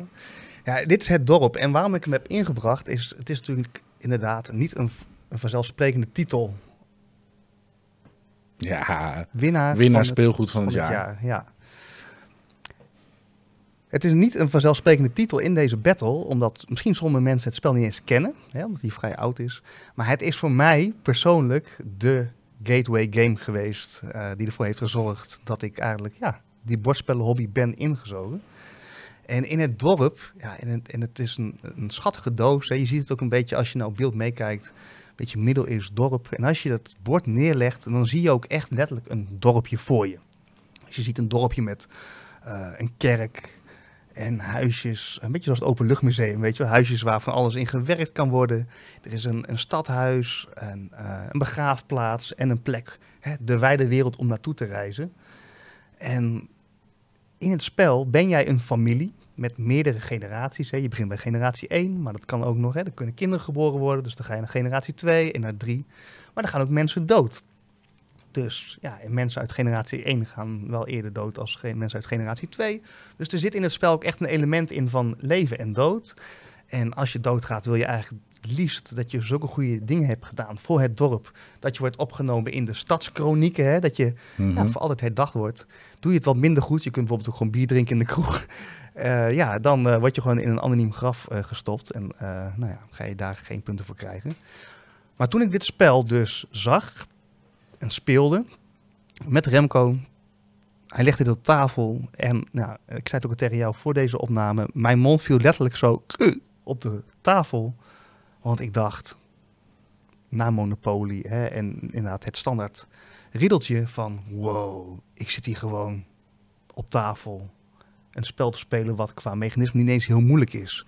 Maar ik ben gewoon heel leven aan het naspelen. In een, ja, dat, dat hele dorp kwam tot leven. Ik had families en er gingen mensen dood. Ik dacht echt van, wat gebeurt hier? En kunnen bordspellen mij dit gevoel dus geven? Dit moet ik, hier moet ik meer van hebben. Hoe lang geleden was dit? 2012. Nee. nou ja, dit is wel denk ik. eh, ja, hoe lang zit ik in de hobby? Dit is echt begintijd geweest. Hm. Want je weet dat ze hier in uh, eind jaren 80, jaren 90 ook al een spel voor hebben uitgebracht. Hè? Dat heet Levensweg. Nee, nee, nee, dat is heel anders. Dat Oh. is heel anders. Nee, dit is... Ja, we zijn aan het battelen, hè? Ja, ja. Dus maar even qua thema. Dus zeg maar, en dat is denk ik als we het inderdaad hebben over de battle. Eldorado, klopt helemaal wat je zegt. Makkelijk toegankelijk. Toch heb ik bij Eldorado wel het idee nog dat ik op een kartonnen ondergrond houten poppetjes à la ganzenbord verzet van het ene vakje naar het andere vakje om tot het eindpunt te komen. Eigenlijk een soort van ganzenbord, maar dan zonder put. Terwijl ik bij het dorp is het alsof je een 3D-bril opzet. nou, niet eens een 3D-bril, zo'n VR-bril. En dat je in één keer gewoon, je bent er even niet. Je bent echt even in een andere wereld. En dat je echt denkt van, ja, wat gebeurt hier? Heb ik paddenstoelen gegeten? Wat, wat is er gebeurd? Had je paddenstoelen gegeten? ja, je zou bijna denken. Nee, dus, dus dit is echt gewoon voor als jij dus in mijn beleving mensen de hobby in wil trekken, moet je ze dus een ervaring geven die anders is als dat ze gewend waren. En ik denk dus, als we het hebben over een battle, dat een Eldorado een iets diepere ervaring geeft als ganzenbord, maar niet die mind-blowing ervaring heeft van wow, dit kan ook. Ja, en het is wel grappig dat dat gezegd wordt door degene die net zegt dat hij eh, de fantasie van D&D eenmalig leuk vond, maar verder niet. Je hebt het mij laten zien. Ik zie gewoon een platte plattegrond met een, een kerkje en een kerkhof en weet ik veel erop. Dus ik weet niet waar jij het in godesnaam over hebt. Dus die, die, die paddenstoelen die klinken steeds meer geloofwaardig. Eh, vooral ook omdat 99 dacht, joh, dit spel brengen we gewoon niet meer uit. Nee, nee, nee, dacht dat. Maar voor de mensen die gaan denken van... Hey Jelle, ik ben enthousiast geworden over dit spel. En echt, het is echt een aanrader. Ik heb er overigens ook een video van op mijn YouTube-kanaal. mocht je het eerst even willen bekijken. Maar deze versie, die is al wat ouder... die is dus ook inderdaad niet meer te kopen. Alleen op Marktplaats. Eh, ik heb ook de uitbreiding hierbij. Die is al helemaal niet meer te krijgen. Dus als je... ja, ik ben een van de gelukkigen die hem nog wel heeft. Dat is namelijk dus... ehm, ik heb beide uitbreidingen. De haven heb je nog. En eh, ja, de uitbreiding met de kroeg. Dus dat je dus in de kroeg kan je ook allemaal weer fijne mensen leren kennen onder het genot van een biertje. Die jou weer verder kunnen helpen in het spel. Maar er komt dus op volgens mij relatief korte termijn een big box uit. Niet door 99 uitgegeven. Waarin wel helaas een ander artwork. Ik vond het artwork wel minder mooi als hier. Maar goed, daar kunnen natuurlijk meningen over verschillen. Mhm. Eh, maar alle uitbreidingen zitten daar al bij. Dus er komt een vernieuwende versie aan. Dus mocht Ja, je van de Village Big Box gaan ze die ja, uitbrengen. precies. Ja, ja. de Village wordt het dan. Ja, maar dan even een vraag, hè, want eh, we hebben echt hele uiteenlopende spellen. Eh, wat is het volgende spel wat mensen gaan spelen nadat ze het dorp hebben gespeeld? Waar is het de gateway voor? Waar brengt het Ja. ze naartoe als ze hier enthousiast van worden? Voor mij is dat ge- geweest dat ik dus... Ik was kaartspelletjes gewend en Monopoly, nou, hè, die, die, ehm, die spellen. En in het dorp heb je dus die verschillende gebouwen die ik net beschreef. En daar liggen, per gebouw liggen er een aantal blokjes bij. En dat was voor mij dus voor de allereerste keer dat ik de opdracht kreeg. Dit spel is niet meer als je kiest één van die acties. Dan pak je zo'n blokje van af. Dat blokje mag je houden, die kun je laten uitgeven. En je gaat die desbetreffende actie doen op het actieveld waar dat blokje lag. Dus het is een soort van, is dat worker placement? Mm, Ja, Voelt, zo voelt het wel, ja. Ja, het is, toch eigenlijk, voor mij was het dus wel een soort van, ja, je zet alleen geen werken neer, maar je doet de actie waar je de werken weghaalt. Maar Mhm. eigenlijk komt het op hetzelfde neer. Dus het feit dat ik kon gaan nadenken van, oké, ik heb hier letterlijk een leven voor me, ik kan kiezen waar ik op ga investeren. Ik pak daar een blokje weg en ik mag die actie doen die bij dat blokje ligt. Dus ja, dus eigenlijk de worker placement was voor mij de allereerste aanraking daarmee. En eh, nog steeds weet ik dus gewoon, als ik mensen destijds het dorp heb gespeeld, zeg ja, dit is gewoon een beetje zoals bij het dorp. Je kiest een actie en hè, je pakt het blokje en doet hem weg. Dus voor het worker placement genre is dit voor mij echt wel de brug geweest naar veel meer. Ja, nou, ik, ik moet heel eerlijk beginnen. Ik heb het dorp nooit gespeeld. Dat is natuurlijk ook gewoon de charme. We gaan die battle aan zonder dat we dat van tevoren met elkaar delen. Eh, dat maakt het wel weer een beetje interessant, omdat je een beetje moet improviseren. Eh, dus ik durf niet zoveel te zeggen daarover. Eh, het enige wat ik wel kan zeggen, en dat is op basis van het zien van de doos. Dit valt natuurlijk wel precies in waar we het in de artwork, artwork aflevering over hadden. Dit zit weer in, de, in dezelfde tijdsgeest waarvan ik denk... eh, meh. ja, ook zo verdrietig van. De Orleans-achtige tekeningen. Het is niet qua stijl, maar wel qua tijdsfeer. Ja, dat eh, ja, eh, doet me niet zoveel. Eh, maar goed, ik kan helemaal niks over het spelmechanisme zeggen. Mhm. Wat ik nog wel eventjes wil benadrukken is dat Eldorado is gewoon... ehm, en dat geldt overigens voor alle spellen waar we het ooit over hebben. Als je ze gewoon kunt zien voor wat ze zijn... dan hoef je er ook niet veroordelend over te zijn. We hadden het over eh, zeg maar de enthousiaste mensen die Gaia Project spelen en Terra Mystica, dat die Terra Nova waarschijnlijk te licht vinden. Dat snap ik. Maar je moet hem ook niet spelen alsof je een expertspel gaat spelen. Je Mhm. moet hem juist spelen voor wat het is. En dat geldt voor Eldorado ook. Uh, dekbeelden is best wel een lastig principe voor mensen om te leren kennen. Nou heb je Artishocker, die ik toevallig ook eerder noemde. Dat is een klein kaartspelletje waar het deckbuilding principe in naar voren komt. Uh, maar Eldorado doet dat eigenlijk op zo'n manier dat je toch echt, dat goud, daar ga je voor. En jij zegt van ja, ik verplaats een poppetje op, op wat kartonnen tegels. Nou, echt niet. Ik krijg gewoon een Indiana Jones gevoel in een licht jasje. Dus geen uh, Arnak, wat de expertbroer is van zo'n type spel qua sfeer. Maar wel gewoon, dit kan ik met een gezin spelen. Dit kan ik met, met kinderen, zeg maar, uh, tussen de 8 en, en 12 ook al op tafel leggen. Zodat ze echt het gevoel krijgen van, ik ben echt een spel aan het spelen. Ik heb strategie. Ik moet kiezen wat voor kaart ik aan mijn deck ga toevoegen. Maar het is te doen. En dat is volgens mij de definitie van een gateway. En ik denk dat dat deckbuilding mechanisme, ook in Arnak zit er natuurlijk een stukje deckbuilding in. Uh, ja, dan ga je in de expert spelen. Als je dit zeg maar op jongere leeftijd aangeboden krijgt of als beginner in de hobby, dat mechanisme ga je later terug zien komen en dan kun je ook die grote broers op een gegeven moment aan. En daarom denk ik dat dit gewoon het gateway spel is van de afgelopen jaren. En dat is niet helemaal eerlijk tegen een spel uit 2012, maar goed. Ja, ook bij Eldorado is het veel ouder, hè? Dus Eldorado had eigenlijk, eigenlijk komt Eldorado uit precies dezelfde um, ja, startblokken. Want eigenlijk zie je dan een soort van Eldorado-masker. Ik weet ja, nog precies. het is het gouden masker. Het gouden masker ja, ja, ja. zie je. Dus uh, ook die, daarvan hebben ze gedacht, hey, we laten we hem even helemaal omgooien, artwork anders. En um, hè, dus voor mij is het, het, spel wel hetzelfde. Maar hoe het eruit ziet is volledig op zijn kop gegooid. Um, hetzelfde als wat ze bij het dorp nog gaan doen. Nou, maar is het spel volledig hetzelfde? Weet je dat zeker? Ik heb de oude versie niet gespeeld. Nee, ik, ik, twijfel ook een beetje. Want ik zie ook de doos zo voor me. Ik had er even niet aan gedacht. Maar um, nou, misschien weet een van jullie het. Is het echt exact hetzelfde spel? Of uh, zit er toch wel weer wat nieuws in? Ja.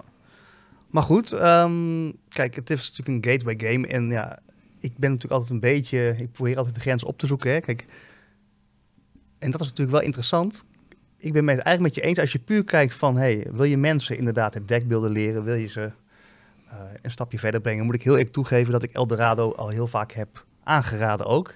Dus ik kan me daar um, ja, helemaal in vinden. Als je het dus hebt over het aanleren van spelmechanismes en een stapje verder leren. Um, ik denk wel dat Eldorado de verwachtingen niet waarmaakt, is dat je dus echt het gevoel van Indiana Jones Mm. Dat, dat, tenminste, als ik de voorkant zie, denk ik van, oh, ik ga een avontuur beleven. En ja, die, die vind ik niet heel erg sterk naar voren komen uiteindelijk voor wat het is. Maar dat is dus ook een, een, een verwachting. Mm -hmm. En, dan kom je dus een beetje op, wat willen we, ja, om, hoe krijg je mensen de hobby in? Is dat, als je het hebt over het mechanisme aanleren, dan is dit denk ik een goed instappunt. Maar als je wil weten dat, je, dat er echt nog veel meer te halen is in de bordspellenwereld, dan is dit echt mindblowing. ja. mm -hmm. Omdat je dus bijvoorbeeld ook, dan zie je dus een meeple, maar die meeple verandert ineens niet meer in een meeple, maar in een mens. Want je moet gaan bepalen, hey, deze meeple, ik ga toch iets uitleggen. Die heb ik neergezet bij het werkgebiedje, dat wordt een paardenkarrenmaker. Ik weet het niet jouw thema, maar goed. Dus je hebt ook het idee, hey, deze meneer is goed in paardenkarren maken. En ik kan ook vervolgens, dankzij die meneer die vanuit mijn familie daar werkt, goedkoop paardenkarren krijgen. Maar er komt een moment dat er iemand moet gaan sterven. En dan wordt die meeple ineens niet meer die meeple, die bij jou nog gewoon wel, hè, die blijft ook gewoon leven, die gaat gewoon van het ene vakje naar het andere vakje. Oh, tenzij het je schoonmoeder is en vast die, die berg staat. Maar ik, ik werd dus voor het eerst geconfronteerd dat ik dat houten blokje, wat langzamerhand was uh, vervormd naar een mens en die ook nog een beroep had en eigenlijk mijn voorouders soort van waren, namelijk een paardenkarren maken, ga ik die dood laten gaan? Of ga ik mijn oom, die dus in de kroeg zit, die heel veel vrienden aan het maken is, maar eigenlijk alleen maar bier aan het drinken is, laat ik die doodgaan? Wie ga je laten sterven? Dat is ook een bewuste keuze dus in het spel. Zeker, ja, daar draait het om. Hm. En dat is dus misschien waarom het voor mij dus mijn blowing was, dat dat stukje hout in één keer een soort van ethisch dilemma werd. En dat blokje hout werd dus bijna een personage voor mij. En daar moest ik dan als speler uh, over gaan besluiten, ja, besluiten van wat, wat gaat er met hem gebeuren. Heftig. En dat had ik dus eh, en dat heb ik natuurlijk al vaker in spellen, wat ik gewoon enorm waardeer. Als ik dus word meegenomen in zoiets. En ja, dankzij het dorp kwam ik er dus achter dat dat mogelijk was. En voor mij persoonlijk, ja, was ik om. Wou ik die hobby veel verder gaan eh, onderzoeken. Ja, nou, dat, is, dat is alleen natuurlijk al punten waard. Want het heeft iemand voor de hobby enthousiast gemaakt. In dit geval jou. Ja, Ik weet- wel de enige. Nee, nee, maar luister, het is niet voor niks dat het dorp eh, op een marktplaats het nog goed doet. Dus er zijn absoluut mensen naar op zoek. En we hadden besloten dat wij het niet meer hoeven te bepalen. Dus dat scheelt ook. Dat is waar. Ja. Ik had wel nog nagedacht toen we het hierover hadden van... heb ik eigenlijk een gateway spel? Ik heb het wel gehad over HeroQuest, dat het een van de spellen was waar ik voor het eerst echt goed enthousiast over werd. En toen dacht ik terug aan mijn kindertijd en toen waren er heel veel spellen. En ik zeg spellen tussen aanhalingstekens, omdat het voor mij meer speelgoed was. Dus de, de muizenval, dat zag er tof uit, weet je. Je moest dingetjes gaan bouwen. Eh, spookslot, die al eh, drie keer is uitgegeven en iedere keer weer net een nieuwe jasje.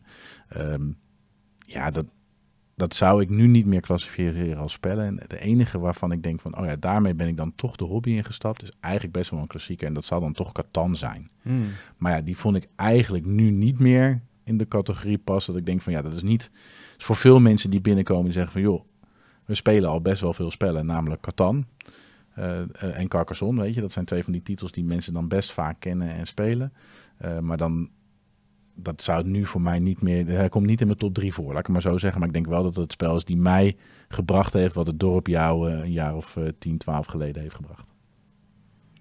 En had je toen ook bij Catan namelijk het gevoel dat je echt eh, niet een schapenkaartje met elkaar aan het ruilen was, maar echt een, een dorp aan het opbouwen was? Dus had je wel die, dat- die ervaring van dat next level, wat dus ja, karton wat verandert in iets veel groters?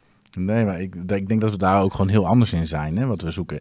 Catan bood mij, hoe kan ik nou onderhandelen over die, die grondstoffen? En, en dat spelletje waar je toch tegen elkaar gaat zitten en toch dan af en toe net kunt doen alsof je er niet goed voor staat, waardoor iemand genegen is om toch met je te ruilen. En dan toch die handelsroute te pakken en die laatste ridder mag pakken en dan ineens zo eroverheen kunt klappen. Dan dacht ik, oh ja, dit, dit doet mijn fanatisme goed. Ja, precies, dat is vet. Ja, Oké, dus gateway spellen. ja, dus wat ik nog wel benieuwd van naar ben, dan mogen de luisteraars laten weten, van wat kunnen zij zich vinden in, ja, wanneer is het dus eigenlijk een gateway? Is het alleen dus een opstap naar spelmechanismes, uitbreiding eigenlijk en kennis daarover? Of is het ook gewoon jezelf, ja, een spel die je bij de strot pakt en zegt van kijk, dit, dit kan ka- karton je ook brengen. Ja, ja, dat inderdaad. Ik ben ook heel nieuwsgierig of ze... Misschien zouden ze wel hele andere dingen gekozen hebben dan wij voor de battle. Daar ben ik ook wel nieuwsgierig naar. Van, eh, van joh, waarom heb je... Nou, dan mag je naar de top 3 bepalen. Waarom hebben jullie dit spel absoluut niet genoemd? Ja, dat best wel... eh, ja, ik hoor het graag. Nou ja, ja. Dat brengt meteen een- mij dan een beetje naar die top 3 toe. Dat vond ik echt heel lastig in deze categorie. Omdat er zijn... In mijn gedachten dus was ik bezig met spelmechanismes die toegankelijk zijn, die in expertspellen een rol gaan spelen. Dus dat opstapje naar. En dan kom ik naar bij spellen terecht die eigenlijk niet met elkaar te vergelijken zijn. En wat ik heb gedaan om mijn top 3 samen te stellen, eh, is dat ik eigenlijk een aantal spellen die ik om verschillende redenen een goede plek vind als gateway spel. Eh, ik zal ze in volgorde opnoemen, maar misschien zijn ze wel interchangeable, zeg maar, qua positie daarin. Hmm. Dus en hoe heb jij, hoe ben jij met die top 3 omgegaan? Toch denk ik meer inderdaad vanuit, je legt iets op tafel, is het aantrekkelijk, krijg ik mensen daarin mee, hè? ook qua belevingswereld en eh, wat minder op mechanisme, ook, ook hierin dus. Nou, dan ben ik wel nieuwsgierig. Wat zullen we doen? Zullen we eh, onze top 3 helemaal af? eh, of gaan we eerst eh, ons nummertje 3 en dan nummertje 2 doen? Jouw keus? Gooi je tot drie er maar in. Nou, eh, ik heb gekozen voor de volgende drie spellen. Ehm eerste is namelijk een, een spel die bij veel mensen gewoon toch best wel heel erg goed ontvangen is in de afgelopen jaren. Dat is namelijk Kwakzalvers. Ehm superleuk pusher luck spelletje. Je, je, je je moet zorgen dat je niet je ketel laat ontploffen. Hoewel dat in de eerste paar rondes, tip voor de spelers, helemaal niet zo erg is. Als je ketel ontploft moet je namelijk kiezen of punten of geld om uit te geven aan nieuwe ingrediënten voor je toverketel. Super grappig, eh, backbuilding spelletje. Ehm, nou, ja, dat backbuilden heeft in die zin een minder grote rol dan een zo'n grote boer Orléans, waar backbeelden echt heel strategisch gaat worden. Eh, maar geeft wel een heel leuk familieervaring, denk ik, voor zo'n spel. Eh, enige grote nadeel van kwakzalvers is dat er toch heel veel mensen het niet kunnen laten om vals te spelen. Om toch die knalheid in een hoekje van, van een zakje te stoppen en dan Echt? vast te houden. Ja, vooral mensen met kinderen komen daar wel eens mee terug. Van ja, eh, ik moet wel zeggen, joh, laat het zakje maar even los en papa, laat papa en mama mij even schudden. Want dat, is, dat is toch wel een, een gevoelig dingetje bij kwakzalvers. Maar ik denk gewoon een hele goede gateway. Omdat je, ik kan me niet voorstellen dat als je dat voor de face value die kwakzalvers heeft, als je dat speelt, dat je daar geen plezier in hebt. Mhm. Het is frustrerend als je ketel toch ontploft. Het is leuk om eh, in, de, in de recepten tussen die boekjes, waar je interactie hebt met je buren, van als je er meer hebt dan je buren, dan krijg je X. En als je er dat niet hebt, dan krijg je niks. Weet je, dat zijn gewoon hele leuke mechanismes die mensen volgens mij enthousiast kunnen maken. Wat, wat vind je dan, mag ik er even vragen over stellen? Mhm. Ehm, want ik ben het helemaal met je eens. Ik denk dat hij daar helemaal invalt. Wat vind je van het artwork en de cover ook van die doos? Eh, indifferent? Denk is- jij dat eh, een gemiddeld mens, die dus geen verstand heeft van bordspellen behalve Monopoly, eh, dit spel eruit zou kiezen qua thema? Nee, ik denk dat het, dit spel voornamelijk goed doet als je het kunt introduceren aan mensen. Even kort kunt laten zien. Moet er even een unicorn inbouwen? Oh, ja, moet even een unicorn inbouwen. Nee, maar jouw vraag was, eh, is het een doos die... eh, Kijk je ook graag naar kwakzalvers? Ja, nee, ja, ik denk dat dat dus echt wel per definitie... Ik denk dat het een spel is die niet afschrikt. Het is, ik vind het artwork ook, als je het spel kent, goed passend. Ehm, maar het is wel een spel waar je mensen even aan moet introduceren. Dus de mensen die kwakzalvers kopen bij ons... zijn mensen die het of ergens anders gespeeld hebben en dachten... leuk, dat wil ik ook. Of waar je ze aan introduceert van... dit zou goed bij jullie kunnen passen op basis van wat je gezegd hebt. Ik zal het even laten zien. Dus dat, ja, daar zit wel een dingetje in, ja. Ja. Maar dan is inderdaad ook hè, het voordeel van de fysieke winkel weer, waarin je die uitleg kan krijgen. Eh, als ik niet gewoon zelf onderzoek had gedaan en had geweten dat die gewoon heel erg goed werd eh, gewaardeerd. Ik heb hem ook in mijn collectie namelijk. Mhm. Had ik hem nooit gekocht, want ik vind het echt, het spreekt me totaal niet aan. Heksen zou ik zeggen, nou witchcraft zit ik er wel uitkijken. Maar de, het, hè, het thema en nee, dus, maar, dus met wat onderzoek erbij dacht ik, die moet ik hebben. En hij is inderdaad superleuk. Maar eh, als gateway zou ik misschien toch liever nog ook wat aantrekkelijker qua artwork willen hebben. Dat is wel grappig trouwens nu dat je dat zegt, eh, Witchcraft. Ik krijg wel een beetje dat, hihihihi, ik zit in mijn keteltje te roeren. Ja. Dat gevoel krijg ik wel. Ook dat, dat spelersbordje, wat natuurlijk echt een ketel is die je van bovenaf bekijkt, waar je ingrediëntjes in legt. Dus daar heb ik dan weer wel dat visuele bij, dat ik daar een beetje in eh, denk van ja, dat vind ik Ja. tof. Ja, Goed, op de volgende plek, nummer twee, if you will, heb ik een spel die je misschien niet direct verwacht. En dat, ik zal hem uitleggen, heb ik namelijk Flamecraft neergezet. En Flamecraft, eh, genomineerd voor de Gouden Ludo, eh, eh, kwam mij vandaag ter oren, dus ook weer een spellenprijs. En toen vroeg ik aan jou voor de uitzending in welke categorie. Hij is in de familiespellen ge- genomineerd. Terecht, denk ik. Maar dit is namelijk een spel wat het, het imago creëert van een enorme ervaring in diepgang. Terwijl hij dat niet heeft. Dat is aan de ene kant het nadeel van Flamecraft. Want als je daarin duikt van, goh, ik ga een super tof spel spelen. Aan de andere kant geeft hij wel een bepaalde table presence en ervaring voor spelers om heel enthousiast van te kunnen worden. Hmm. Moet wel het thema in het artwork je ook precies aan, eh, eh, aanspreken. Maar zeker als je die luxe versie op tafel hebt met echte munten. En weet je, ontzettend duur. En dat is dan weer een andere discussie. Maar met die mooie draakjes. En ja, dat is gewoon echt wel heel erg leuk. Ik heb zelfs mijn buurman zover gekregen om, om een spel te spelen. Terwijl die eigenlijk niet zo van spelletjes houdt. En die vond het best een leuke ervaring. Dus makkelijk, toegankelijk. Geeft best wel een beetje een leuk principe. Al die draakjes doen in principe hetzelfde. eh, maar je gaat van shopje naar shopje om ingrediënten te verzamelen. Om uiteindelijk die betoveringen die je de punten opleveren te doen. Dus eigenlijk een beetje collectie. Dus het is geen set collection. Maar je verzamelt al die ingrediënten totdat je je slag kan slaan. Hmm, ja. Dus die staat er voor mij eh, dan ook als gateway in. Juist voor zo mooi kan het worden. En dan heb ik op nummer 1 heb ik Eldorado gezet. Ik kon niet anders eigenlijk. ja. Het is wel interessant, hè? Want wat ik dus... eh, Eldorado, ja, mooie titel. En ergens, als ik dan die drie titels zo naast elkaar zet...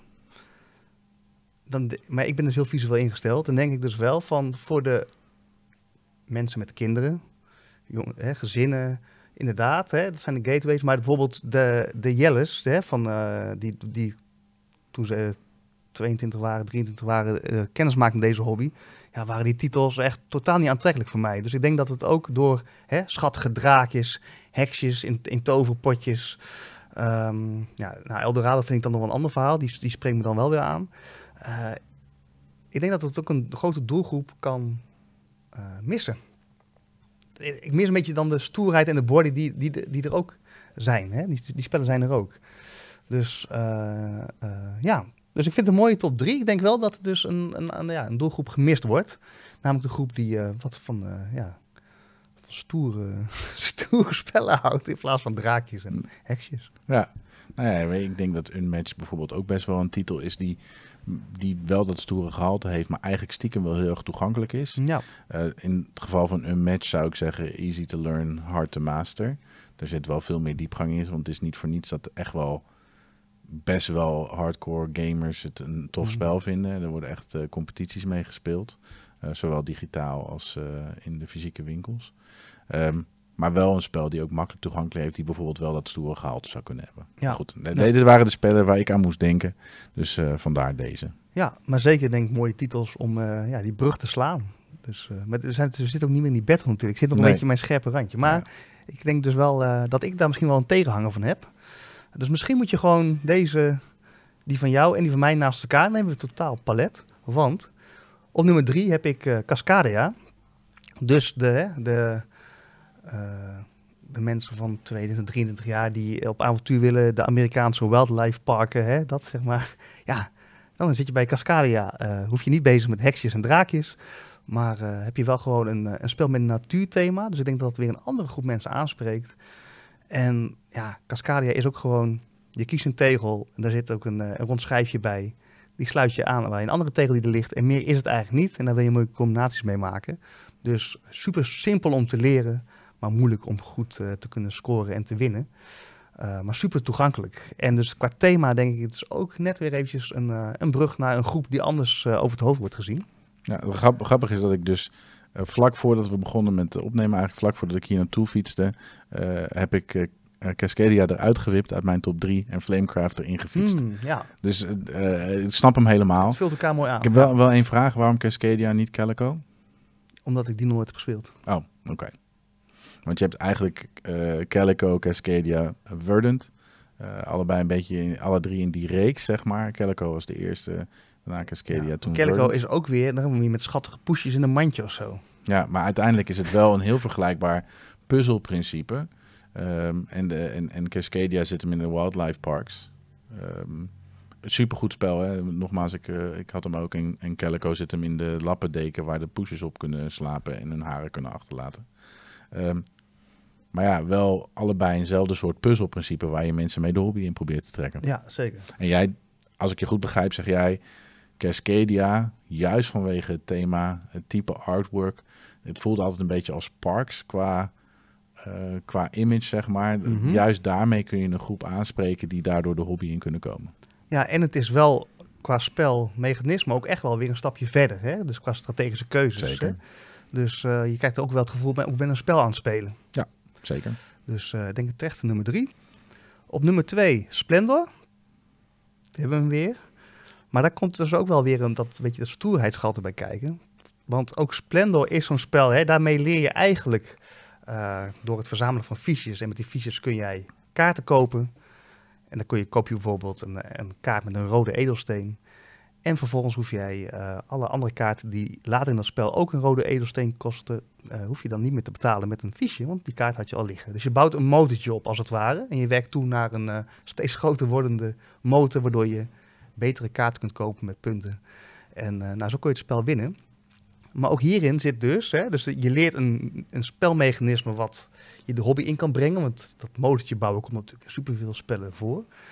En zeker dus bij die oudere versie, dat heb ik ook wel eens eerder verteld, maar daar zitten dus de zwaardere fiches bij. Als ik dat met uh, uh, uh, mijn vrienden speel bijvoorbeeld, dan zit je echt, je, je, ja, ik, ik, heb ze niet mee, maar dan... Dat pokergevoel. Dat pokergevoel, weet je ook. En dan een whiskytje op tafel en, en, en ja, dat is een beleving. Ja, dan kan je dus ook, net, ja, naast dat je het spelmechanisme leert, ook even denken van, oh, ik ben echt een vet aan het spel aan het spelen. En er zit wat meer stoerheid bij. Geen heksjes en draakjes. we, zijn snap je? Niet, we zijn niet aan het battelen, Jelle. We zijn gewoon aan het delen wat nee, wij nogmaals, Ik denk dus dat ze mooi bij elkaar passen. Ja. Dat jij uh, nou, wat meer op de families hebt gericht en ik wat meer op... Uh, op de Jelles. Uh, ja, op de Jelles. En dan nummer één. En dat is toevallig het spel wat we hier... Heeft Chara hier laatst nog in de winkel gekocht om cadeau te geven voor mensen die op van spellen houden. Eh, ze gaan emigreren en naar ehm, Spanje. En toen hebben we dus Azul gekocht. De, wel de reiseditie trouwens. Mhm. Want ze gaan op reis. Mhm. Tjing, tjing. maar Azul is ook zo'n spel waar gewoon eh, wat makkelijk te leren is. ehm, en leuk uitziet op tafel. En dat is namelijk denk ik wat veel stelletjes zichzelf... eh, hè, eh, ja, van die, van die... Een gemiddeld stelletje wat gaat samenwonen, gaat nadenken over de badkamer. Hoe gaan we het doen? En dan komen ze altijd, oh, we willen wel van die Portugese tegeltjes. Ja, je wel dat? Dat is wat iedereen denkt als ze gaat samenwonen. dat gesprek kan ik me ook nog Ja, goed herinneren. Precies. Nou, als je nog niet hebt gehad, dan komt hij nog. maar dus qua thema kan het ook weer... Hè, dus, ja, het is wel een, een, een thema wat, wat, wat ook weer een bepaalde groep aanspreekt van... Oh, dat, met dat soort tegeltjes wil ik wel even aan de slag.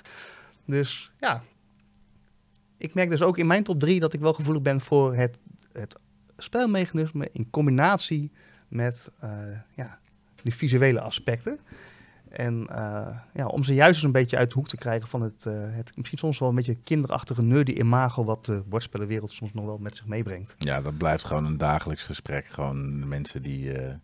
waar- er gaat een wereld voor veel mensen open op het moment dat je ze net eventjes binnen kunt halen. Eh, en het gesprek opent over wat ze misschien wel leuk zouden kunnen vinden. Precies, ja. En, en Azul is zo'n spel. ehm, dat moet, visueel moet het je aantrekken, denk ik, om hem, eh, om hem als gateway neer te leggen.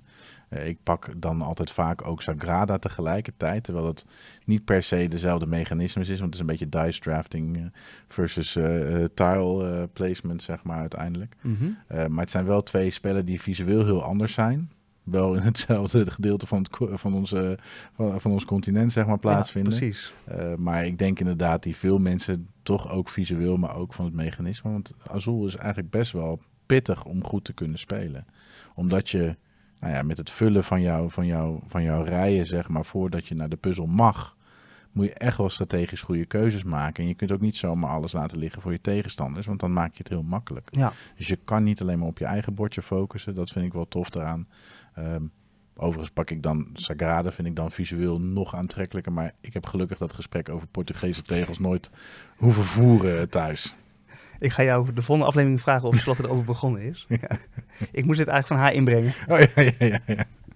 Nee, de, de discussies die wij hadden is of we een nisje zouden Oh. krijgen in de badkamer. Nou, en dat is toch een beetje Sagrada. Dat is toch meer zo'n koepeltje met...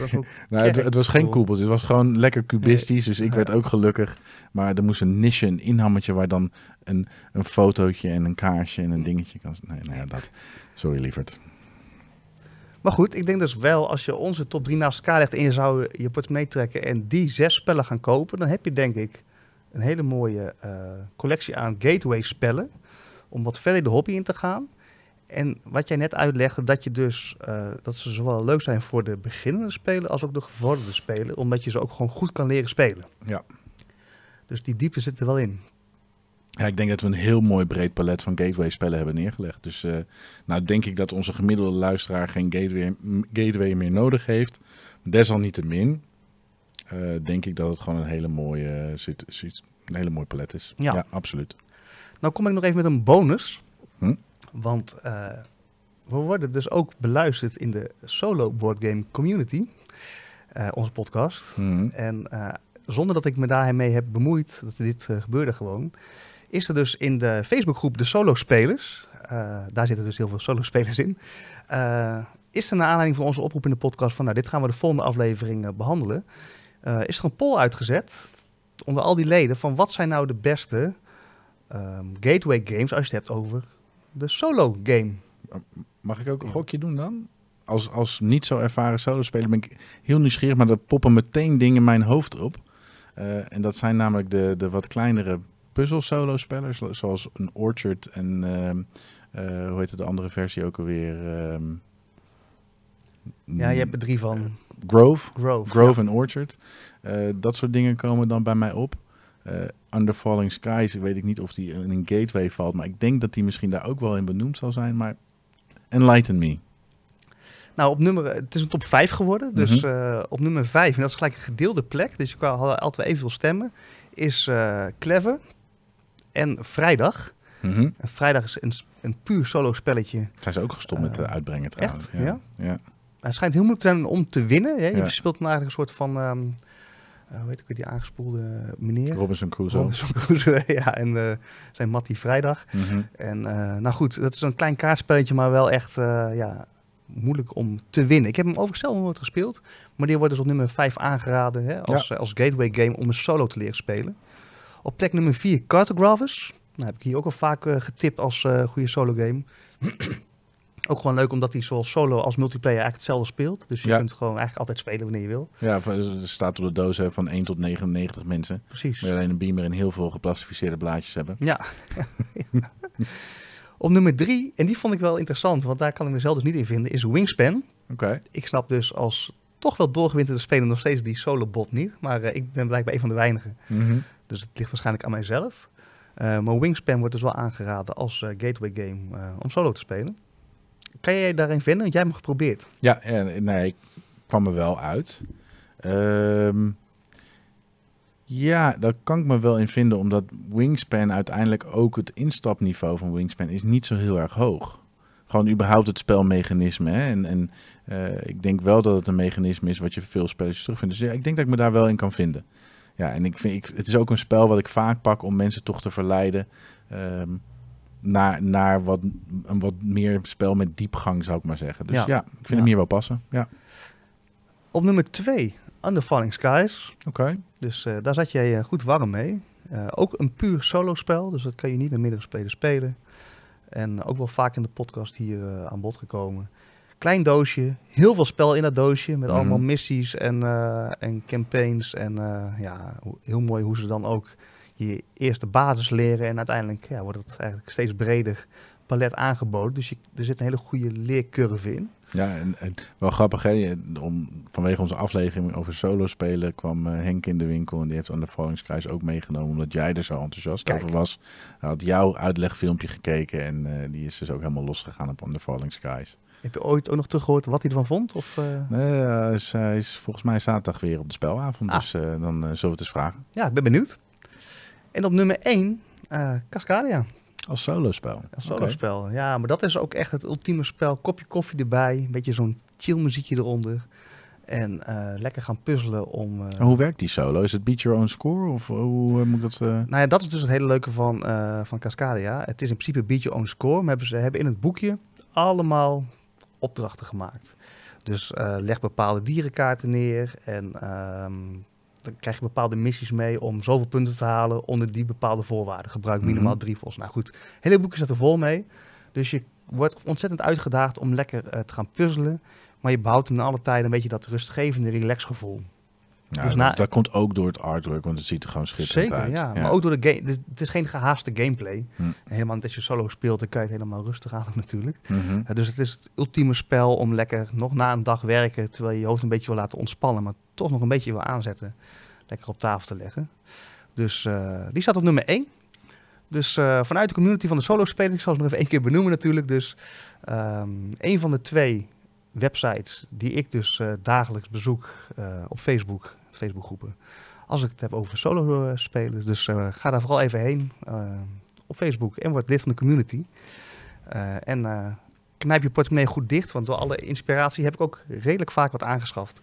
Dus eh, wees gewaarschuwd. Ja, super mooi. Nou ja, ehm, ondanks alle technische perikelen hebben we er toch wel weer een mooi verhaal van weten te maken. Ja, ik ben blij dat we weer bezig zijn, Jelle. ja, Ik heb het toch ook wel een beetje gemist eh, deze zomer, ondanks dat ik eh, andere dingen heb gedaan. Maar ja, het was weer eventjes inkomen, maar ja. ja, het is echt balen van die camera, dus dit keer alleen met geluid. Ja, ik, ik ben niet perfectionistisch in het leven. Ik hoef niet per se een spelletje winnen, maar dit vind ik wel echt bloedirritant. Ja. Dus, maar goed, dit gebeurt de volgende keer dus niet meer.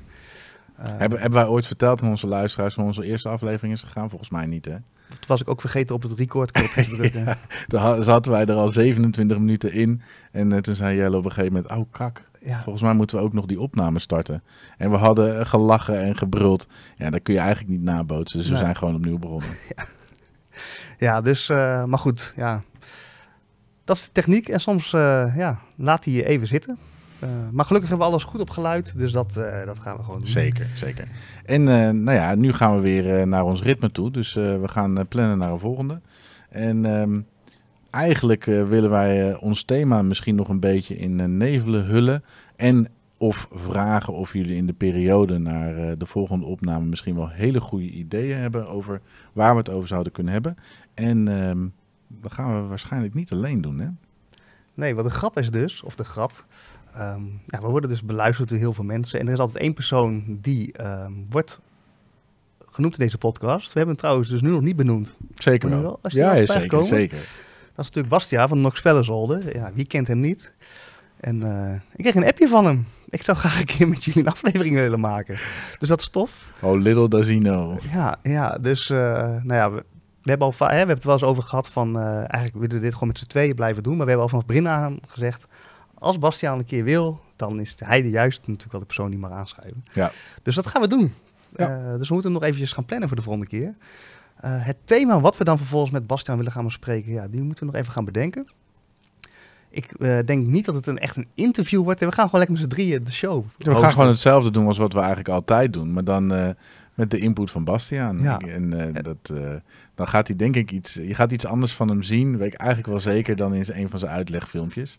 En eh, als hij het niet doet, ga ik hem wel net zo lang prikkelen tot dat gebeurt. Hij kan nu in ieder geval wat terugzeggen, want nou zit hij erbij. Ja, precies. Ja, dus dat is wel heel tof. Dus dat gaan we kijken of we dat voor de volgende keer kunnen gaan organiseren. Ja, dus heb je goede ideeën over wat wij eh, als thema zouden kunnen bespreken? Eh, dit keer dan dus met Bastiaan. Maar heb je überhaupt goede ideeën over thema's? Daar houden we ons ook zeker voor aanbevolen. Want voorlopig zijn we nog niet klaar. Dus je kan ons mailen. Eh kartondepodcast.gmail.com eh, Via de Instagram kanalen @spellenjelle en koningbordspel.nl En eh, we zullen in onze stories en posts misschien ook nog wel een keer de oproep doen van... joh, heb je nog vragen? Wat Jelle vandaag ook gedaan had op zijn Instagram kanaal... waar nog wat leuke vragen uit voortkwamen. Eh, ja, betrek ons en laat ons weten wat je ervan vindt. Ehm, en eh, nou, kijk alweer uit naar de volgende keer. Ja. Nou ja, ik kan het eh, niet. Je bent echt goed in, eh, in een podcast openen en ook afsluiten. De rest is echt eh, bagger. maar- Nee, alleen je bed was altijd op geen maat. Dan kom ik altijd van Marktcafé. Ja, ach ja. Nee, dat doe je goed. Dat doe je goed. Dus ja, ik kan het niet beter afsluiten. Maar dus daar sluit ik me volledig bij aan. En ik zou zeggen, tot de volgende aflevering. Tot de volgende keer.